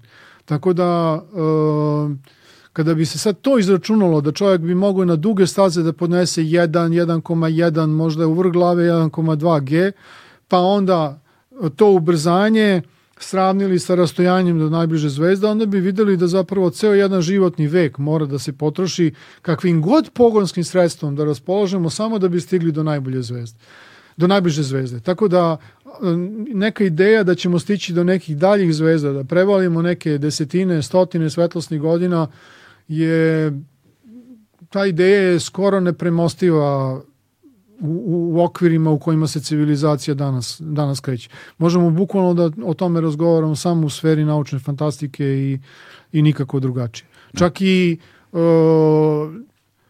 Voyageru uh, koji je napustio sunče sistem će trebati desetine hiljada godina da svojom brzinom dobaci do najbliže zvezde prema kojoj se kreće trenutno. Da, koja je najbliža zvezda prema kojoj se kreće? Oh, mislim da ide negde u saž, ka sazvežđu bika, ali mm. uh, tačnu zvezdu da ti kažem ne mogu da, ne, ne mogu da ti kažem. Znači to je tek negde u debeloj budućnosti. Da, tako da ljudska rasa kao interstelarna ne, ali ljudska rasa kao međuplanetarna, interplanetarna. Tako je. Mo... Znači, uh, prosto uh, ljudi su osuđeni da budu okrenuti ka kosmosu. Zato što jednostavno ako krenete od toga da broj ljudi na zemlji raste, da su njeni resursi ili ograničeni ili se smanjuju. Uh mhm. -huh. Znači doći će pre ili kasnije jedan dan kada na zemlji neće biti resursa da podrži uh, toliki broj stanovnika. U no. Da. tom slučaju zemlja će morati da se uh, okrene nekim resursima koji se nalaze drugde u sunčevom sistemu. Uh, sve dok vi imate dovoljno recimo rude gvožđe na zemlji, niko neće gledati u kosmos, ali kada one budu iscrpljene, onda će vam činjenica da procenat gvožđa koji imamo na Marsu ili u asteroidima je značajan, odjednom postane mnogo, mnogo značajan. Da. Što opet ne znači da sad zato što imamo svemir kao odstupnicu, možemo prema našoj planeti da se ponašamo neodgovorno. To je zapravo nemoralno. Mi moramo taj trenutak kada ćemo biti osuđeni da se okrenemo svemiru, da odložimo što je god moguće više. Inače, uh, jer to traži vreme. Mi moramo da se spremimo za tako nešto. Mi trenutno nismo u stanju da dobacimo ni do Marsa, kamoli negde dalje. Znači, ne. mi nismo trenutno sposobni da napustimo ovu planetu, a uništavamo je nemilice. Malo je tužno kad čovjek gleda da se tamo recimo uh, najveće svetske sile preganjuju oko toga da li mogu u emisiju ugljen dioksida da ograniče do te mere da do kraja veka temperatura ne poraste 1-2 stepena. Sad bi neko mogao da kaže 1-2 stepena pa jaka stvar. Treba da imate u vidu da svaki stepen znači podizanje mora za, za pola metra, metar. Mm. To utiče na geografiju.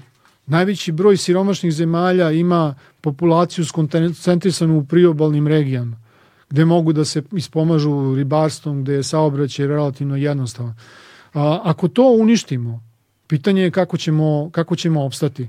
Najveće, do sad je u istoriji zemlje zabeleženo pet velikih kataklizmi. Jedna od ovih je, poslednja je bila uh, istrebljenje dinosaurusa. Mm. Postojalo je još četiri velike katastrofe koje su skoro istrebile život na zemlji. I skoro u svakom slučaju smo imali globalno zagrevanje koje nije bilo veće od 5, 6, 7 ili 8 stepeni. A mi već govorimo o tome da li ćemo dostići dva. Da. Znači mi fantastičnom brzinom trenutno uništavamo ovu planetu. I svako ko negira klimatske promene uh, ne da pravi problem tamo nekoj 20 30. generaciji u budućnosti. Ne, pravi bukvalno problem svojoj deci.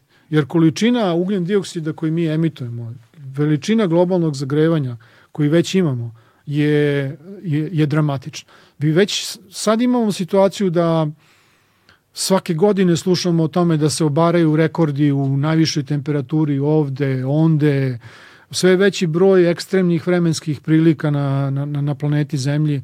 Znači mi to sve uništavamo i ne može tu svemir još uvijek da nam bude odstupnica. Da, Biće ne. jednoga dana, ali u ovom trenutku mi za to nismo spremni. Zato ovo što imamo mi moramo da čuvamo. Da. A toga nismo i dalje dovoljno svesni. Možda nam je ovo dobar uh, deo za sam kraj razgovora ovaj, i da nam ostaje da se pitamo jel te, šta nas sve čeka dalje. Uh, hvala ti puno na vremenu, hvala ti puno na ovom divnom razgovoru, hvala ti puno na strpljenju, hvala ti puno na tekstovima koje pišeš. Hvala ti puno na pozivu.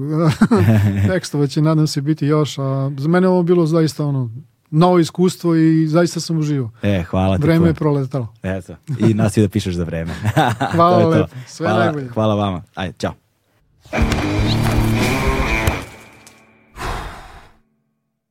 Hmm.